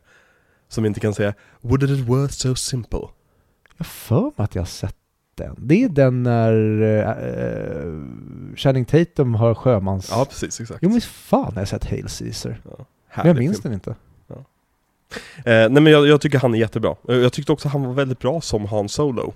Eh, Mm. Med det han fick att jobba med så att säga. Ja. Eh, så jag hoppas att han verkligen får en karriär för att han har ju Han har ju hamnat lite i frysboxen efter Solo-filmen, tyvärr. Ja, det är många i den här filmen som jag hoppas nu ska få lite uppsving. Tyckte även eh, Rami Malek Mm. eh, var bra igen. Det var Ja. skönt att se att han inte var Rami. Malek. Ja, och jag blev så förvånad över att men, han säger inget. Han, han var med i ett par scener i bakgrunden. Mm. Och sen så slänger de bara in honom. Från att ha varit helt anonym så är det han som sänker besten. Exakt.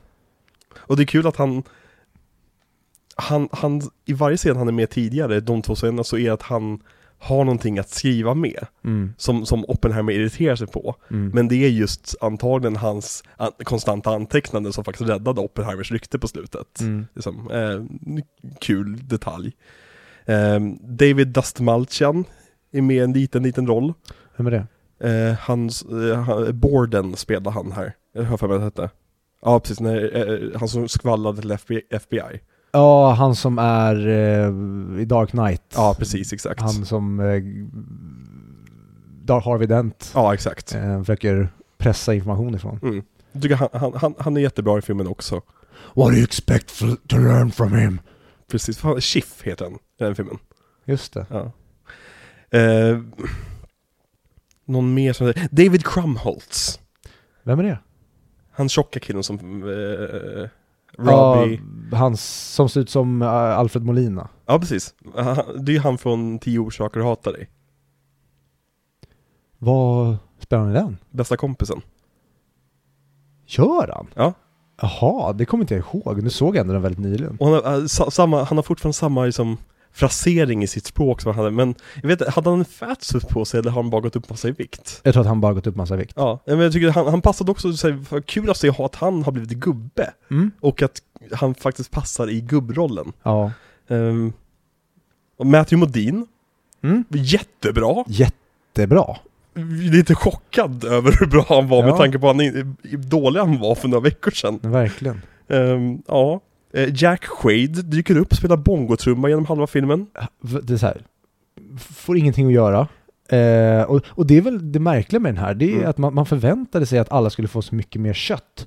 Mm. Och så blir det, ingen får typ kött. Saft är väl kanske den som får mest kött. Exakt, han är, ju, han är ju någon slags, vad säger femte huvudroll-ish, Ja. biroll. Tyckte väldigt mycket om deras relation Mm. och i slutändan var de hamnar. Mm. Ehm, Men också det här naturliga är att så här, jag respekterar skiten ur dig, mm, men jag vill vara dig. ja. Jag vill ta över efter dig här.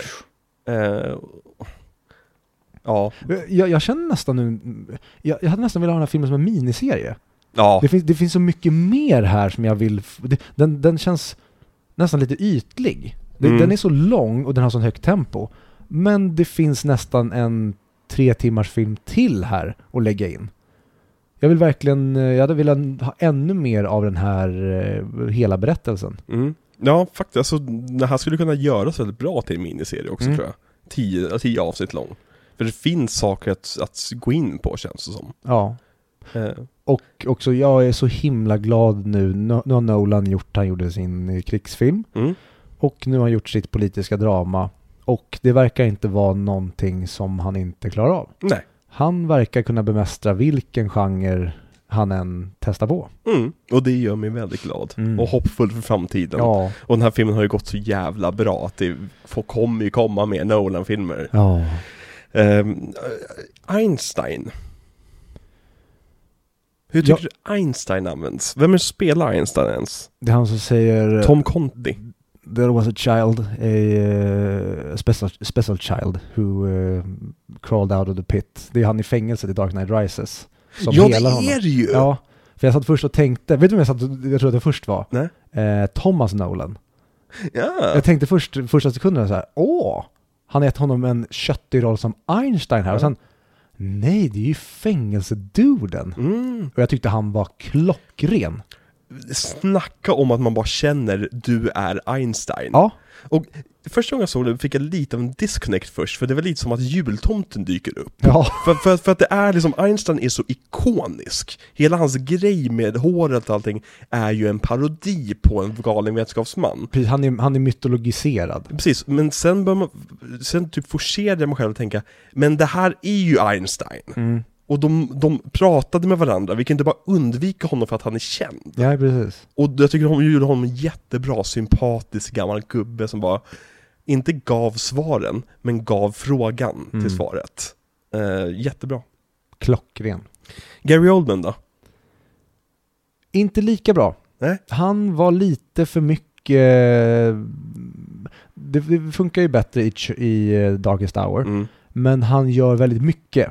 Och det blir nästan, framförallt när han har den här urjänkaren bredvid sig, Mm. så man vet att men den här snubben är jänkare, Mm. han lägger inte på en eh, accent. Så blir Gary Oldmans amerikanska accent, den känns lite, det känns som att det är en skådespelare, men den andra känns bara som här sitter en amerikansk eh, politiker. Alltså Gary Oldman är inte dålig, han, han är bara från en, han är från en annan film. Ja, precis. Det en annan variant av precis, det blir, det de lyckades pull off med Einstein, att det kändes som Einstein, det lyckades de inte med honom. Nej.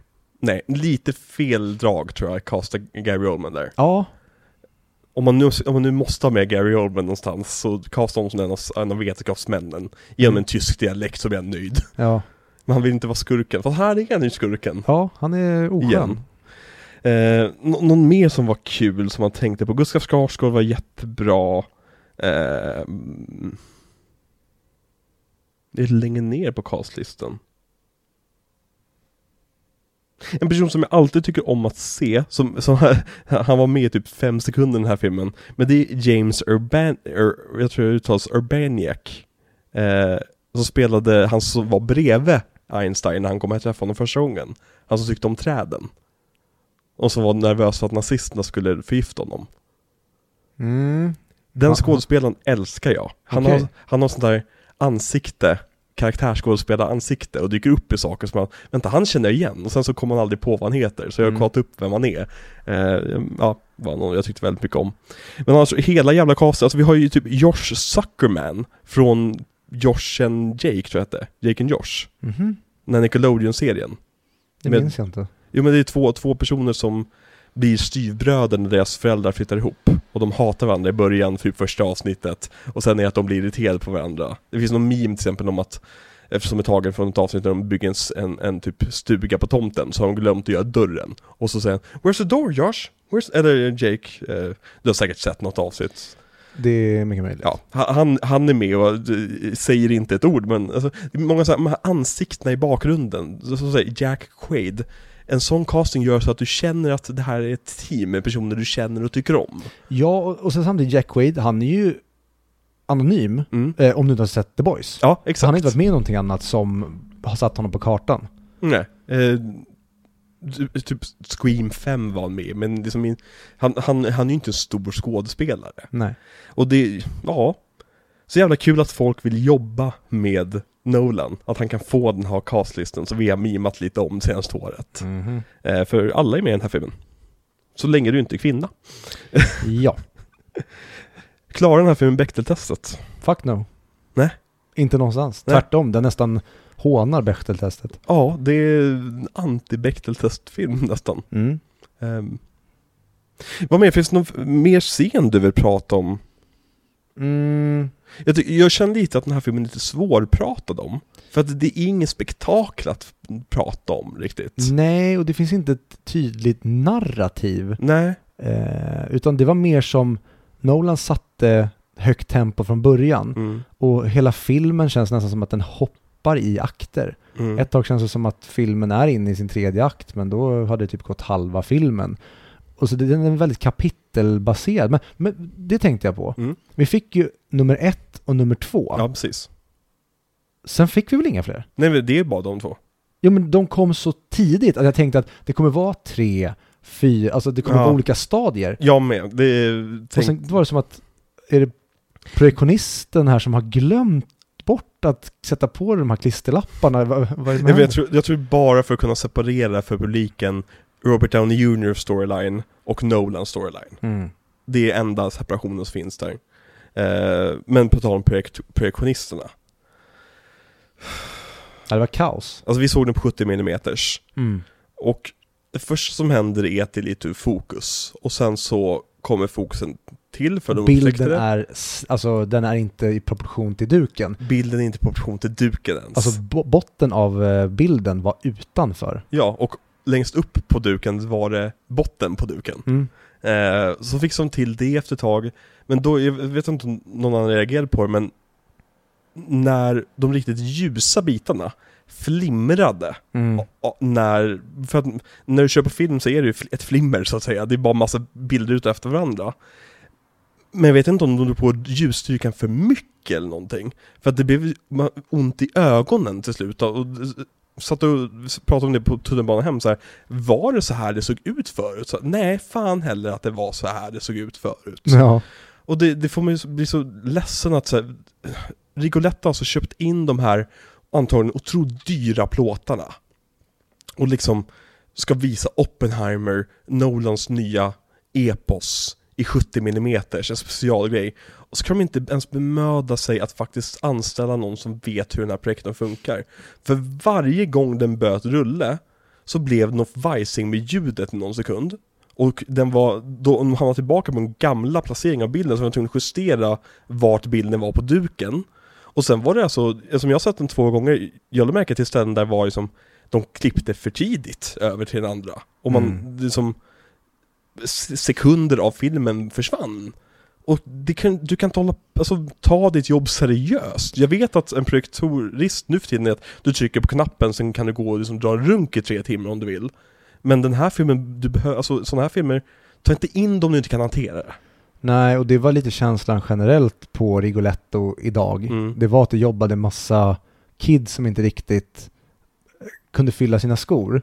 För det var Ja. ett, en grej där efter filmen, eh, jag tvättade händerna över innan filmen, Mm. och alla kranar är på varmaste så att vattnet ryker. Alltså det var på riktigt brännskadehett. Mm. Så att när jag tvättade händerna så sved mina händer efter. Och när vi kommer in efter filmen och går på toa, då är problem, är det fortfarande så med kranarna. Japp. Men då har även eh, en av pissoarerna svämmat över så det rinner liksom piss över golvet. Mm. Och jag går upp eh, och säger till en kvinna i eh, kassan. Mm. Och det är inte så att hon säger så här, åh tack för att du sa till, vi ska absolut fixa det. Utan hon var så här, ja okej. Mm. Och det var känslan även för den som presenterade filmen. Ja. Som knappt, de, de hade en 70 mm eh, filmrulle bredvid. Ja. Personen orkade inte lyfta den. Nej, men, och de orkade inte förklara varför heller. De, de, de, det, det, det är bättre typ, nej, de sa inte att det var bättre, de sa bara att det här är filmat på film. Så här, ja, men det är väl om jag går till IMAX så har det väl blivit filmat på film också. Det är inte Det som att var- Nolan spelade in två olika varianter. ja, det var märkligt. Och så började de prata om så här, och om ni sitter på en exad rad, och jag tror ingen därför inte förstod riktigt vad de menade först. Nej. För att vi sitter ju inte och kollar på en graf över hur det var. De hade stängt av varannan rad. Så att deras servitörer skulle kunna gå och servera. servera. Mm. Nej det kändes, om, om, om ni, om ni om ni är galna nog att lyssna på avsnittet utan att ha sett filmen, men funderar på vad ni ska se, se den inte i 70 mm skulle jag säga. Jag som såg den både, har sett den både i IMAX och 70 mm, gå till en IMAX-salong. Ja. Mm. Nej, det var dåligt. I början när texten kommer i elden, Mm. i liksom inledningscitatet. Eh, citatet. Så jävla bra. Men du, då, den sista raden, Mm. den gled ju upp. Mm. jag tänkte, vilket konstigt grepp för Nolan att alltså, flytta upp texten under tid. Men då var det bara att de justerade bilden och skärpan, så jag blev jätteställd och fattade typ inte det förrän efter. Ja, men, och så här, jag förstår om det här händer första visningen första dagen. Men vi är på tredje visningen andra dagen nu. Mm. Har, hur det har varit tidigare. Ja. Ehm, ja, tråkigt. ja, faktiskt. För det är... Jag, jag litar inte på Rigolettos förmåga faktiskt att sända 70, eller visa 70 mm filmer längre. Jag tycker Filmstaden generellt, eller allting har blivit sämre sen Filmstaden tog över. Mm. Och innan det, eller sen det bytte namn från SF. Yep. Tyvärr. Och det gäller även snacks och hur det handlar, alltså pri- prissättningen har väl med liksom inflation och att det är Mm. ett, ett privat bolag som har gått in och köpt. Men jag tycker verkligen att eh, allting har bara blivit sämre sedan dess och det känns inte som att det är filmnördar som verkligen vill skapa, eller verkligen har den här service mindsetet och värd, alltså värdinna och värd Mm. personen i sig. Utan det är typ kids som jobbar idag som typ, det kunde varit på Donken. Mm. Istället för att, men ni ska ju ha den här typ 45-åriga incelen Mm. som brinner för bio och som står och låter som världens lilla Asperger-nörd när han presenterar filmen. Det är Exakt. de vi vill ha. Som vill att det, det ska vara som det var back in the day där du verkligen för 50 cent så fick du en eh, popcorn eh, och en dam i armen eller vad man Mm. säger. Det är... Jag tycker vi ska ta bort det här med att de introducerar filmen. Det funkar aldrig bra. Nej, jag håller med. Det gör ingenting. Det är bara extra tid och ibland ramlar de så mycket så att den börjar aldrig. Ja. Det är som så här, du sitter och väntar på att se en film som du är taggad på Och nu ska jag sitta och lyssna på någon som så här, Ja men och eh, den här filmen har ju blivit väldigt hyllad så här. Jo, jag, vill jag läsa recensioner innan, läs recensioner innan liksom Du är ingen underhållande, hå- hållare ja, om de ska göra det, Ja. då ska de komma in och säga Hej, det här är filmen ni ska se, eh, tänk på att slänga skräpet, stäng av mobilerna, Ja prata inte. För det är någonting som, det sa väl typ inte ens den här? Jo nej, nej, de sa var Dra ner ljusstyrkan på telefonen Åh. Och de, de säger också nu för tiden, prata inte så högt istället för prata inte Fuck off. Ja, nej men så här, om, gå på bio, var tyst. Ta inte upp telefonen. Alltså respektera utrymmet. Ja. Det, det, det kostar för mycket nu att gå på bio för att jag ska inte ska bli irriterad utav bara helvete på idioter.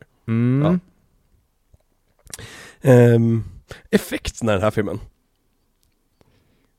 Nästan säga, var det några effekter? Men det är det ju. Det är väldigt mycket bilder på framförallt eld, stjärnor, Mm. eh, neutroner, lite, mm, vad säger man, strålningsringar Mm. eller vad man ska kalla det. Eh, skitsnyggt. Och framförallt när de smäller av bomben. Mm. Se, det, det helt tyst och bara hur liksom svampmolnet av eld hur, och se Mm. i Oppenheimers ögon när poletten trillar ner. Nu är jag så van vid den där posten att jag förväntade mig nästan att Oppenheimer skulle gå ut ur elden. För, som för övrigt är den, den, en av de fulaste posterna jag sett. Ja men det har vi sagt så många gånger här Ja, jag vet, men jag, jag vänjer mig aldrig. Och jag, jag tänker, nej men när, när kommer den riktiga posten? Ja. Nej men alltså effekterna i den här filmen, enligt Nolan är det inte CGI. Och det ser verkligen ut som CGI. Det det gör det är det att det ser så verkligt ut att vi tänker det måste varit CGI. Mm. Men alltså jag misstänker att det är helt vanliga, hederliga fånga ljus i filmtrick Ja. som han håller på med. Och det är jag är så jävla imponerad över att han faktiskt har lite tillbakahållning. Det är därför, därför inte jag är så jättesur, bara för att så här, vi får inte se hela svampmolnet praktiskt taget. Eller hela explosionen i en grej, utan det är väldigt mycket klipp till bitar av det. Mm. Men om vi hade fått se den version av det som vi vill ha, då hade man nästan varit tvungen att göra det i CGI tror jag. Mm. Och jag är glad över att de inte gjorde det för det var så häftigt ögonblick ändå. Och att fokusera mycket på människorna som kollar på det, Ja. snarare än på det vi kollar på. Eh, för det här, det, det är som att Nolan har ansträngt sig för att inte göra det till spektakel. Mm. Och det respekterar jag. Ja. Något mer som vi ska landa på i den här filmen? Musiken. Mm. Ehm, anonym. Mm. Som du sa om Ludvig Göransson, att det, det är lite som en matta. Mm. Ehm, den, den står inte ut, det är ingenting man tänker på. Nej. Den servar filmen. Ehm, ja, jag fick ibland lite midsommar-vibes från när han spelar med eh, något fiolinstrument. Mm. Eh, och det känns som att mm, ibland går den lite åt midsommarhållet i det, inte psykedeliska, men att det blir den här eh, psykiska terrorn. Mm. Mm. Låter även lite som midsommar i ljudet tycker jag. Mm. Även när Oppenheimer får lite vanföreställningar och han zonar ut och inte hör någonting. Eh, Men ska lyssna på soundtracket och, och, Mm. och se vad, vad det är. Men i filmen i sig tyckte jag bara låg som en, en jättebra stämningspiece. Ja. Och jag tycker det är så härligt också när man känner basen mullra i ryggraden. Ja. Uh, ljudmixningen i den här filmen var helt otrolig. Mm. Det, det är typ filmens stora MVP för mig. Älskade när man inte hör ett ord av vad de vid bordet säger. Man filmar Oppenheimer men texten är med på vad de säger vid Mm. bordet. Ja. Men det är bara Och även det här med, eh, med eh, ja, skräcksekvensen om vi kallar den det. mm. Eh, att vi hör dem ställa sig upp. Vi hör skramlet från tycka, tycka, tycka, men Ja. vi hör inte deras skrik, men vi Mm. ser ja, skriken. jätte, jättebra. Verkligen, om inte, den, om inte den här filmen vinner Oscar för bästa, eh, bästa sound editing, då kommer jag Riot. Mm. Eh, men eh, vem vet, jag vet, Flash kanske vinner. Det borde den göra. Flash har redan vunnit en Oscar. Just det. Flash Enters the Speed Force är ju det bästa filmögonblicket i världshistorien. Tack Snyder-fans för att ni satte den statistiken på Wikipedia. Mm. Ehm, ja, posten då. Ska vi bara, bara Minus avrätta? 5 av 5. Ja, nej men det är riktigt, riktigt dåligt posterarbete till den här filmen. Eh, både posten som används med han framför bomben och han framför elden. Ja. Ingen dem är duglig ens. Nej, Det, det, det, ja. jättedåligt. Ja, men sån här film måste nästan ha simplistisk poster. Alltså, Ja. ha... Och det är synd att Oppenheimer inte är med på typ senatförhöret på slutet, för det hade ju varit en typ perfekt bildruta, Mm. eh, den svartvita, men typ ha från förhöret in i rummet. En grej som hade varit jävligt coolt att Ja. se, det hade typ kunnat vara en svart bakgrund eller Mm. någonting grått eller vitt. Och sen eh, att Oppenheimer, på något sätt att man ser typ molnet i hans ögon. Det är bara en bild på honom och så ser man explosionen Mm. bort. Eller man, han kanske hade kunnat haft på sig några goggles Mm. eh, på en poster och vi bara ser hur det exploderar. Jag tror att det finns någon alternativ poster som är när han har gogglesarna på sig när explosionen sker. Att hans ansikte lyses upp av det Mm. från sidan, som, som var rätt läcker. Eh, men ja, nej det här vart liksom, jag tycker marknadsföringskampanjen överlag för den här filmen har varit bedrövlig. Men när jag ser filmen förstår jag också varför. För du kan inte marknadsföra en sån här film. Nej, tack Barbie. Ja, ja men precis, tack Barbie för gratis marknadsföringskampanj. Mm. Det är, ehm, ja. Ha, ha, ha, ha, har vi något mer? Betyg. Betyg. Ja, den är ju svår. Den är jättesvår. Ja, men, men jag eh, vet vad jag, verkligen var jag befinner mig nu. Jag tror att den kommer växa, men det är en klockren 4 av 5. Ja. Jag eh, önskade mer, eh, tror jag. Men jag vet inte vad jag, eller vi har ju sagt vad vi förväntade oss i alla fall, eller vad vi hade önskat. Men jag tror att den kommer växa åtminstone ett halvt betyg till.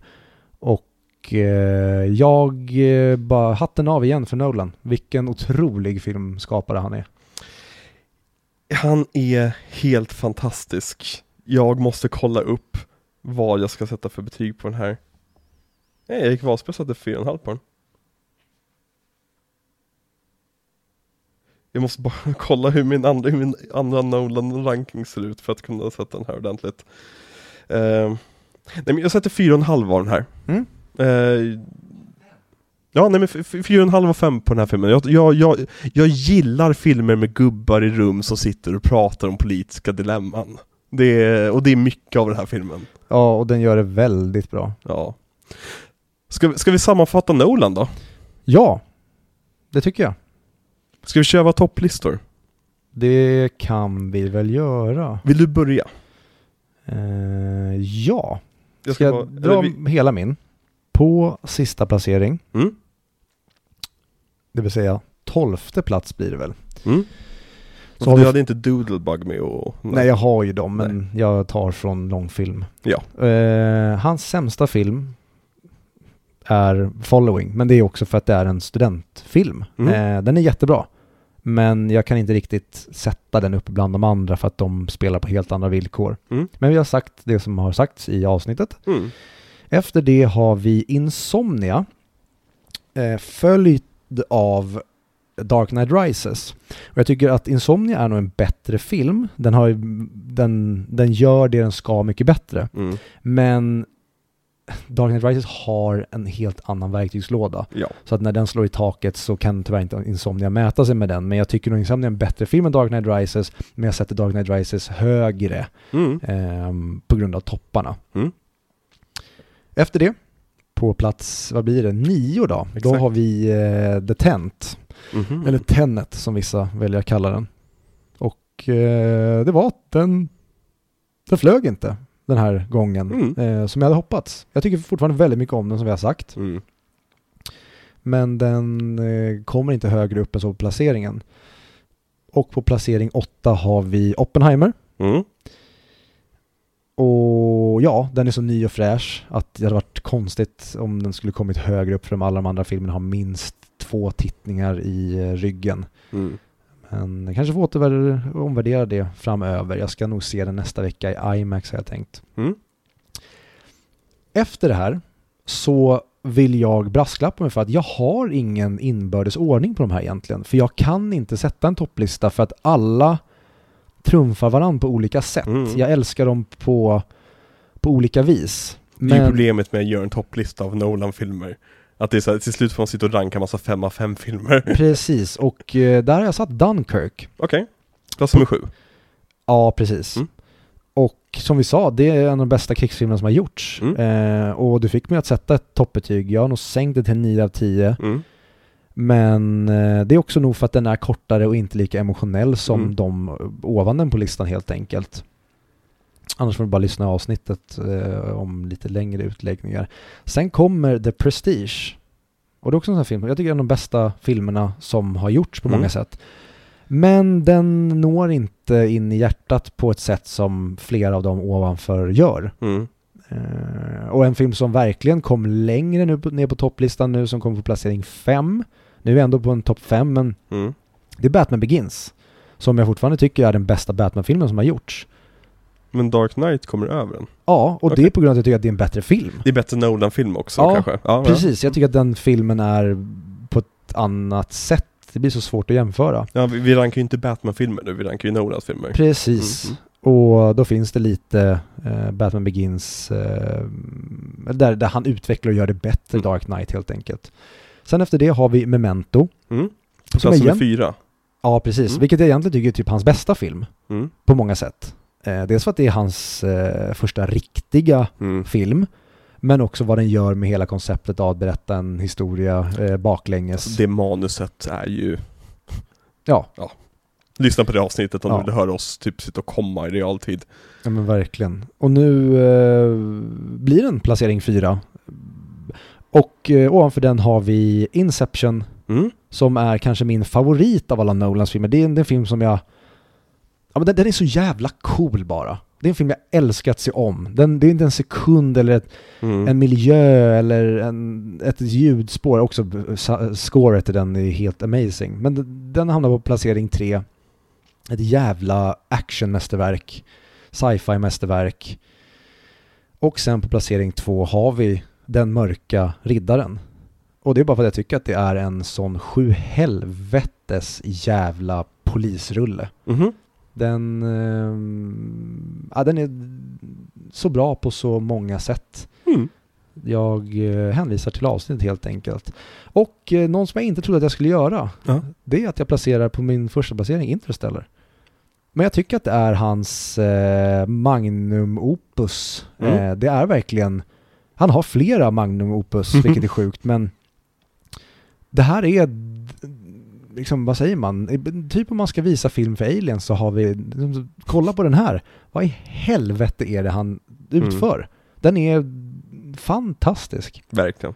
Så det är min eh, topp 12 då. Och sen så har vi ju, pratade om det i Following-avsnittet, men vi har Doodlebug och vad hette den? Tarantella, kortfilmer, men de eh, går ju inte att jämföra med långfilm. Nej. Vill du veta något kul? Ja. Vi har bara två stycken filmer på samma plats. Aha. För en gångs skull så är vi väldigt oense. Ja. Och det är rätt, äh, rätt grovt oense också. Go. På plats nummer 12 har jag The Dark Knight Rises. Oj, oj, oj, oj, oj, oj. Jag tycker inte om den filmen. Nej.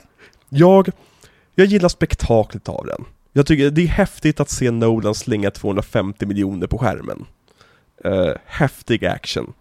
Bane är skitcool. Det, här, Mm. det är en stabil 3 av 5. Mm. Men jag förväntar mig så mycket mer av Nolan. Ja men den, den, den kör ju i diket så mycket. Ja. Och det är det som är så synd med den. Det, det är ju en sån här film som får mig att tänka på plot holes. Och jag Mm. tycker inte om när jag tänker på plot holes. Nej, det är ju väldigt farligt. Ja. Plats nummer 11 har jag Following. Mm. Som jag tycker är en mer lyckad film än Dark Knight Rises. Mm. Jag håller med dig om att jag nog tekniskt sett hellre ser Dark Knight Rises än Following. Men om man baserar på det som utgångsuppdraget Mm. så tycker jag att Following lyckas. Ja, Och det tycker jag inte Dark Knight Rises gör. de är nästan varandras motpoler. Att Mm. du har med following, då har du ingenting, du har inga pengar alls, du har Nej. ingen erfarenhet och så lyckas du med det här. Men Dark Knight Rises, då är han verkligen färdigvuxen Mm. och han kör rätt rejält i diket med en enorm budget, två filmer innan där han har visat exakt vad det är man ska syssla med. Och Precis. ändå blir den här pannkakan. Det är därför Dark Knight Rises tar lite hårdare. Mm. Alltså, hade Dark Knight Rises varit hans första film, hade jag varit jätteimponerad av det. Mm. Men vid det laget vet jag vad Nolan går för. Ja. Och han kan så mycket mer. nummer 10 har jag Insomnia. Som jag tyckte jättemycket om. Mm. Eh, den var den filmen jag var mest orolig för, den här miniserien. Eh, för att det var en film jag bara sett en gång och jag minns den inte särskilt bra. Eh, men jag tyckte jättemycket om Thriller Nolan som vi hade där i början på miniserien. Mm. Ehm, på plats nummer 9 har jag Dark Knight. Oh.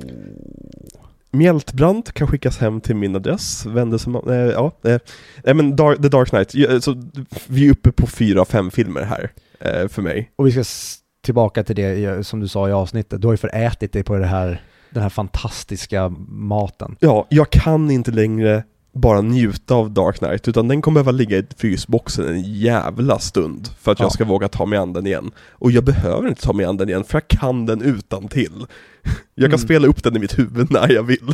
Ja, och sen kanske det blir som för dig som det blev för mig med Interstellar. Att Mm. du, du, du kan den för bra så att du, man var liksom trött på den. Mm. Och så får den ligga och vila ett tag och sen när man ser om den då förstår man precis varför det var en besatthet man hade under en lång tid. Ja, exakt.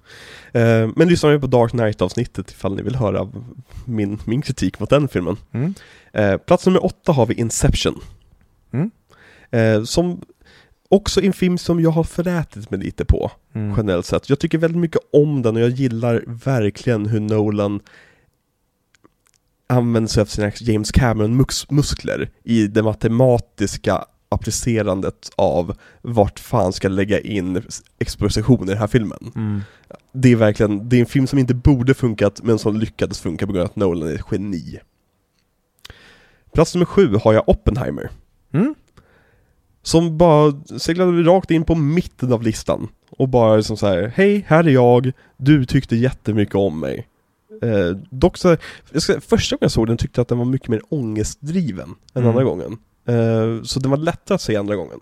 Mm. Eh, ovanför den har vi Tenet, som jag, jag är så kär i Tenet. Det är, det, det är mitt fula lilla barnbarn. Och det är lite vanskapt, men fan om det inte funkar liksom. Mm. Det är, ja, nej, Tenet. Vilken grej.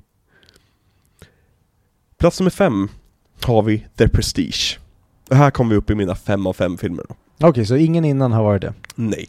Lite återhållsam med femmor faktiskt mot Jag Nolan. har för mig att du satte en 5 av 5 på Inception. Det kanske jag gjorde.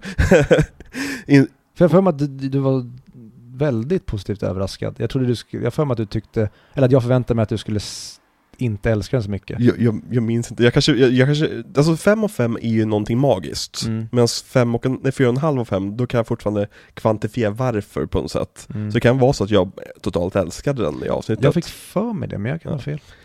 Men eh, The Prestige, f- eh, femma på min lista. Mm. Jag tycker om The Prestige så mycket. Det här med just hur Nolan berättar vad han ska göra under hela sin, resten av sin karriär. Med Mm. magitricken. Misdirections. Ja, nej. Hans Prestige. brasklapp. Ja, och Prestige har också en väldigt nostalgisk värme till för att det var ju den filmen som praktiskt taget gjorde mig till filmnörd. Mm. Alltså utöver den som grundutbildningen man fick som barn. Mm. Uh, The Prestige fick mig att googla fram saker, att leta efter mer information, att liksom verkligen grä- gräva ner mig ordentligt. Filmen som gjorde dig till filmnörd, förutom Ralph Bakshis Lord of the Rings. Exakt. Oh babe. Eh, nummer fyra har vi Memento. Mm. En film jag en gång i tiden skulle sagt är Nolans bästa film. Mm.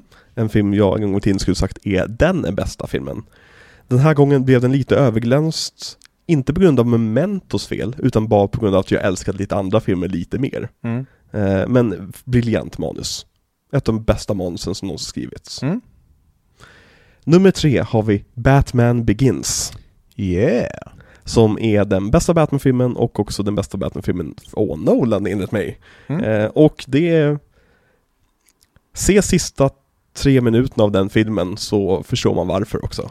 När Gordon och Batman står på taket och pratar om eskalering och sen säger Gordon att du behöver, jag tackade dig aldrig. Och säger Batman att och ni kommer aldrig behöva det igen. Mm. Och så hoppar han av taket och flyger in i kameran och filmhistoria skrivits. Underbart. Plats nummer två är den här filmens, den här miniseriens stora överraskning för mig. Dunkirk. Shite. Jag älskade Dunkirk, älskade varenda sekund av Dunkirk. Det finns ingenting i Dunkirk jag känner att jag vill ändra på. Jag... Dunkirk är en film jag kommer se om. Mm. Mycket, och den är kort också, den är effektiv och den är rapp och den, ja nej. Dunkirk var ett jävla mästerverk. Mm. Eh, Jag är så glad också, för att det är en film jag var lite skeptisk mot när vi såg på bio. Mm. Eh, och sen har jag in, inte sett om den sen dess. Det kanske också är det, att den, den var ju den mest fräscha filmen för mig. Precis, det, det blir ju lite orättvist med många filmer Ja. i den här miniserien just för att vissa har man fått äta sig på och vissa har man inte ätit någonting alls av. Mm. Exakt. Och plats nummer ett, är vi överens. Tråkigt. Interstellar. Mm. Jag håller med dig. Det är, det är också en stor överraskning lite grann, men jag har sagt jag har byggt mot att älska Interstellar mer och mer för varje gång jag ser den. Mm. Men den här gången blev jag bara knockad. Jag blev bara tagen av den här filmens skönhet Mm. och känsla och karaktärer, med det mänskliga ödet. Tänka på framtiden, tänka på dåtiden. Den har allting. Mm. Ja, den har verkligen allting. Det, du, det görs inte filmer som inte ställer. Mm. Och den tar, den är, den är så himla vetenskaplig så länge. Mm. Och sen på slutet säger här i min, ena, i min hand, där håller jag vetenskapen. Vet du vad vi gör med den? Vi slänger ut den genom fönstret och så plockar jag upp den här. Vet du vad det här är? Nej. Irrationell kärlek. Galenskapen. Ja, precis. Ja, nej men det, och och bara det att det här, det här med att kärlek, love transcends gravity, eller Mm. time, var någonting som jag skrattade åt förut, och nu förstår jag vad hon menar. Mm. Snarare än att jag tänker att det är en lökig replik, så förstår jag faktiskt vetenskapen bakom det hon säger. Vilket fick mig att känna såhär, jösses vilken häftig film. Mm. Eh, för att det döljer sig saker i den fortfarande. Ja, Eh, den, den, är, den är så bra. Ja, eh, makalöst. Nolans bästa film. Mm. Och det var vår Nolan-ranking. Mm. Vad känner du för Chris- Christopher Nolan? Älskar honom fortfarande? Jag älskar honom mer än någonsin. Ja, jävla geni. Låt honom... Ja, har, det finns ju... Du vet Google Trends. Mm. Bara nu med Oppenheimer-releasen har sökningarna på 70, 70 mm, alltså bara den termen, ökat med typ hundratals procent. Love it. För att Nolan är ute och faktiskt svingar sin kuk. Mm. och säger liksom att hörni, vi- visst, digitalt filmskapande, det är lätt och det är billigt och det är bra och det kommer antagligen vara framtiden också. Men kan vi behålla en liten bit av det gamla fortfarande? Mm. Och till att de som vill göra det också ska få göra det. Mm. Ja men alltså, jag älskar den gubben. Mm. Och jag såg en intervju med honom när någon ställde typ ja och nej frågor till honom. Mm. Så frågade någon så här, har du en iPhone? Så sa han nej. Och så frågade han, tycker dina filmer bör ses på iPhone? Och då sa han typ, ja, man, mina filmer ska ses som man vill. Mm. Inte som en så här, no, I want my pictures to be watched as they are intended to. Det, det blev ju typ en meme efter Tenet. Att folk gav Nolan den åsikten. Mm. Att han hatar alla som kollar på hans filmer på dator eller på, på Mm. telefon. Och sen Nolan vill ju bara att ni ska se hans filmer. Men han vill ju helst att ni ser hans film på bio. Ja, men han, han verkar som världens bästa snubbe. Ja, Världens bästa chef. ja, verkligen. Han, Det- han, han är bästa entreprenören. Ja. Här är den här idén. Den ska vi utföra. Och alla som är med på det här, vi ska bara må bra, alla ska vara trevliga. Mm. Inga rövhål ska vara med, inga divor. Nej men det, det är ju faktiskt, jag har inte hört en annan dålig historia om, om, om Nolans, Nolan på inspelningarna. Vilket så det, även Paul Thomas Anderson hörde man lite dåligt om. Mm. Det känns, han känns verkligen så helylle. Mm. Och det är underbart. Verkligen. Mm. Ha, eh, MVP från Oppenheimer. Vem är din MVP?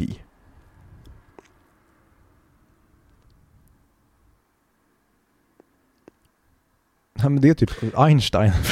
Förlåt, vi har inte nämnt Killian Murphy. Ja, det är sj- sjukt. Förlåt, vi, vi backar bandet. Killian Murphy, hur funkar han?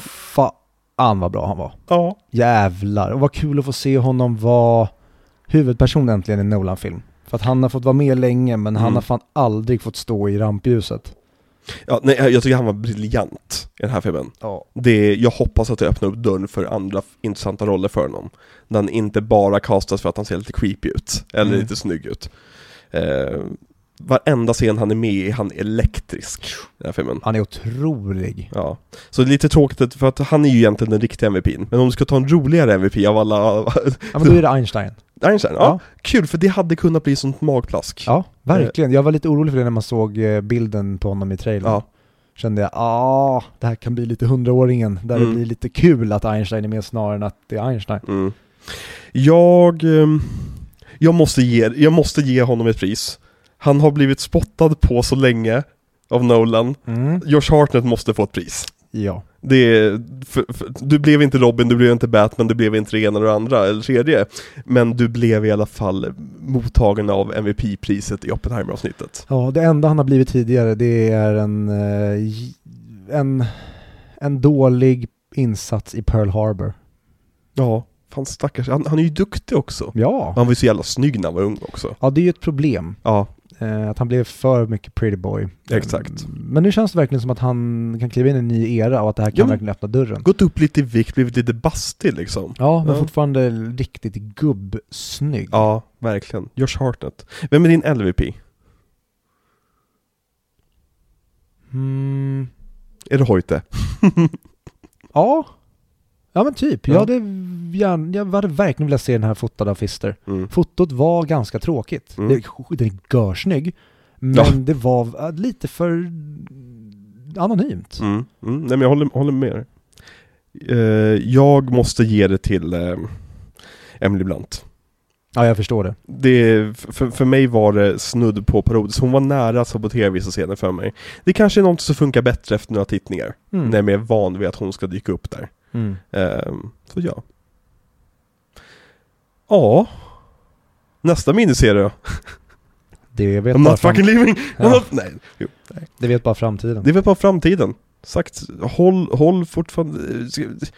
Fan det känns jättekonstigt. Det är nästan som man bara vill bara avsluta avsnittet rakt av utan att vara smörig på slutet här. Mm. Men eh, ska vi bara tacka våra lyssnare en sista gång? Ja, vilken jävla ära det har varit att eh, få göra det här åt er och att ni Mm. verk, alltså hur ni har eh, uppskattat det här, de fina Mm. orden som har fått oss verkligen att när vi kanske borde ha lagt av tidigare, när det varit tungt och jobbigt Mm. att släppa avsnitt varje vecka, så är det hela tiden ni som har fått den att få igång glöden till nästa inspelning. Ja. På ett bra sätt. Det är verk, alltså, verk, ni, ni har varit, ehm, vad säger man, eh, pannbenet Mm. eh, på ett bra sätt. Där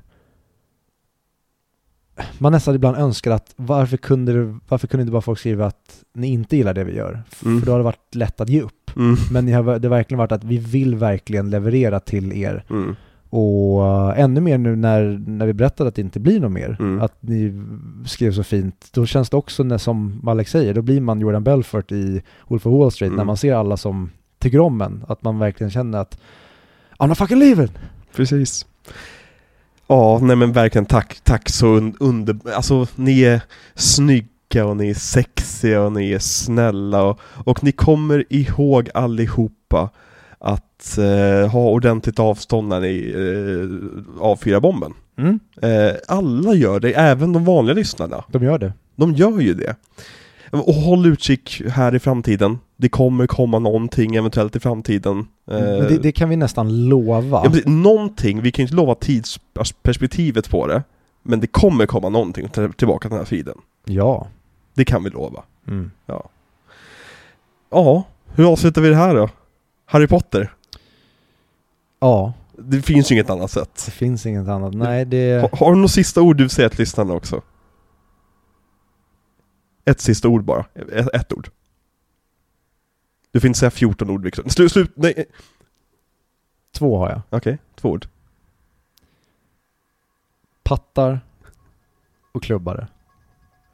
Och jag måste ju då säga Ronny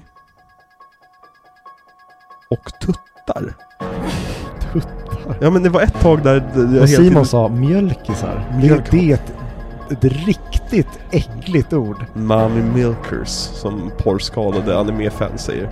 Ah, Ja. Okej, det här blev redan jättecreepy, det går på lite halloween-musik här för sista gången. Ja. Det är sista gången, det kommer säkert komma igen. Hur som helst Tack så jättemycket för att ni har lyssnat på oss. Vi älskar er. Vi gör det. mm. Och vi älskar varandra Det gör vi. Det är underbart. Men nu eh, ska vi ägna oss åt eh, riktiga saker. Ta hand om oss själva. Exakt. Och jag hoppas att ni tar hand om er själva. Och det kan vi också säga till er. Ni får skriva till oss. Ja, herregud. Det, vi alltså Ma- uppmanar ma- mailen och kontona försvinner ju inte. Nej, exakt, inget av det här försvinner. Så att eh, minsta lilla grej, hör av er. Vi snackar gärna. Ja, och just det, jag har faktiskt en sista sak jag vill säga till alla, Mm. som faktiskt är på riktigt. Eh, gå in allihopa på Letterboxd och följ mig och Viktor. Men följ också Staffan. För han Ja. är briljant på Letterboxd. Ja, Ja. Staffan Wennberg. Staffan Wennberg, med tre F är hans eh, Och karaktärsnamn. läs hans recensioner. Verkligen, han är, han är briljant. Eh, hej då Staffan. Hej då, Staffan. Okej, då ska vi köra Harry Potter då. Mm. Harry Potter!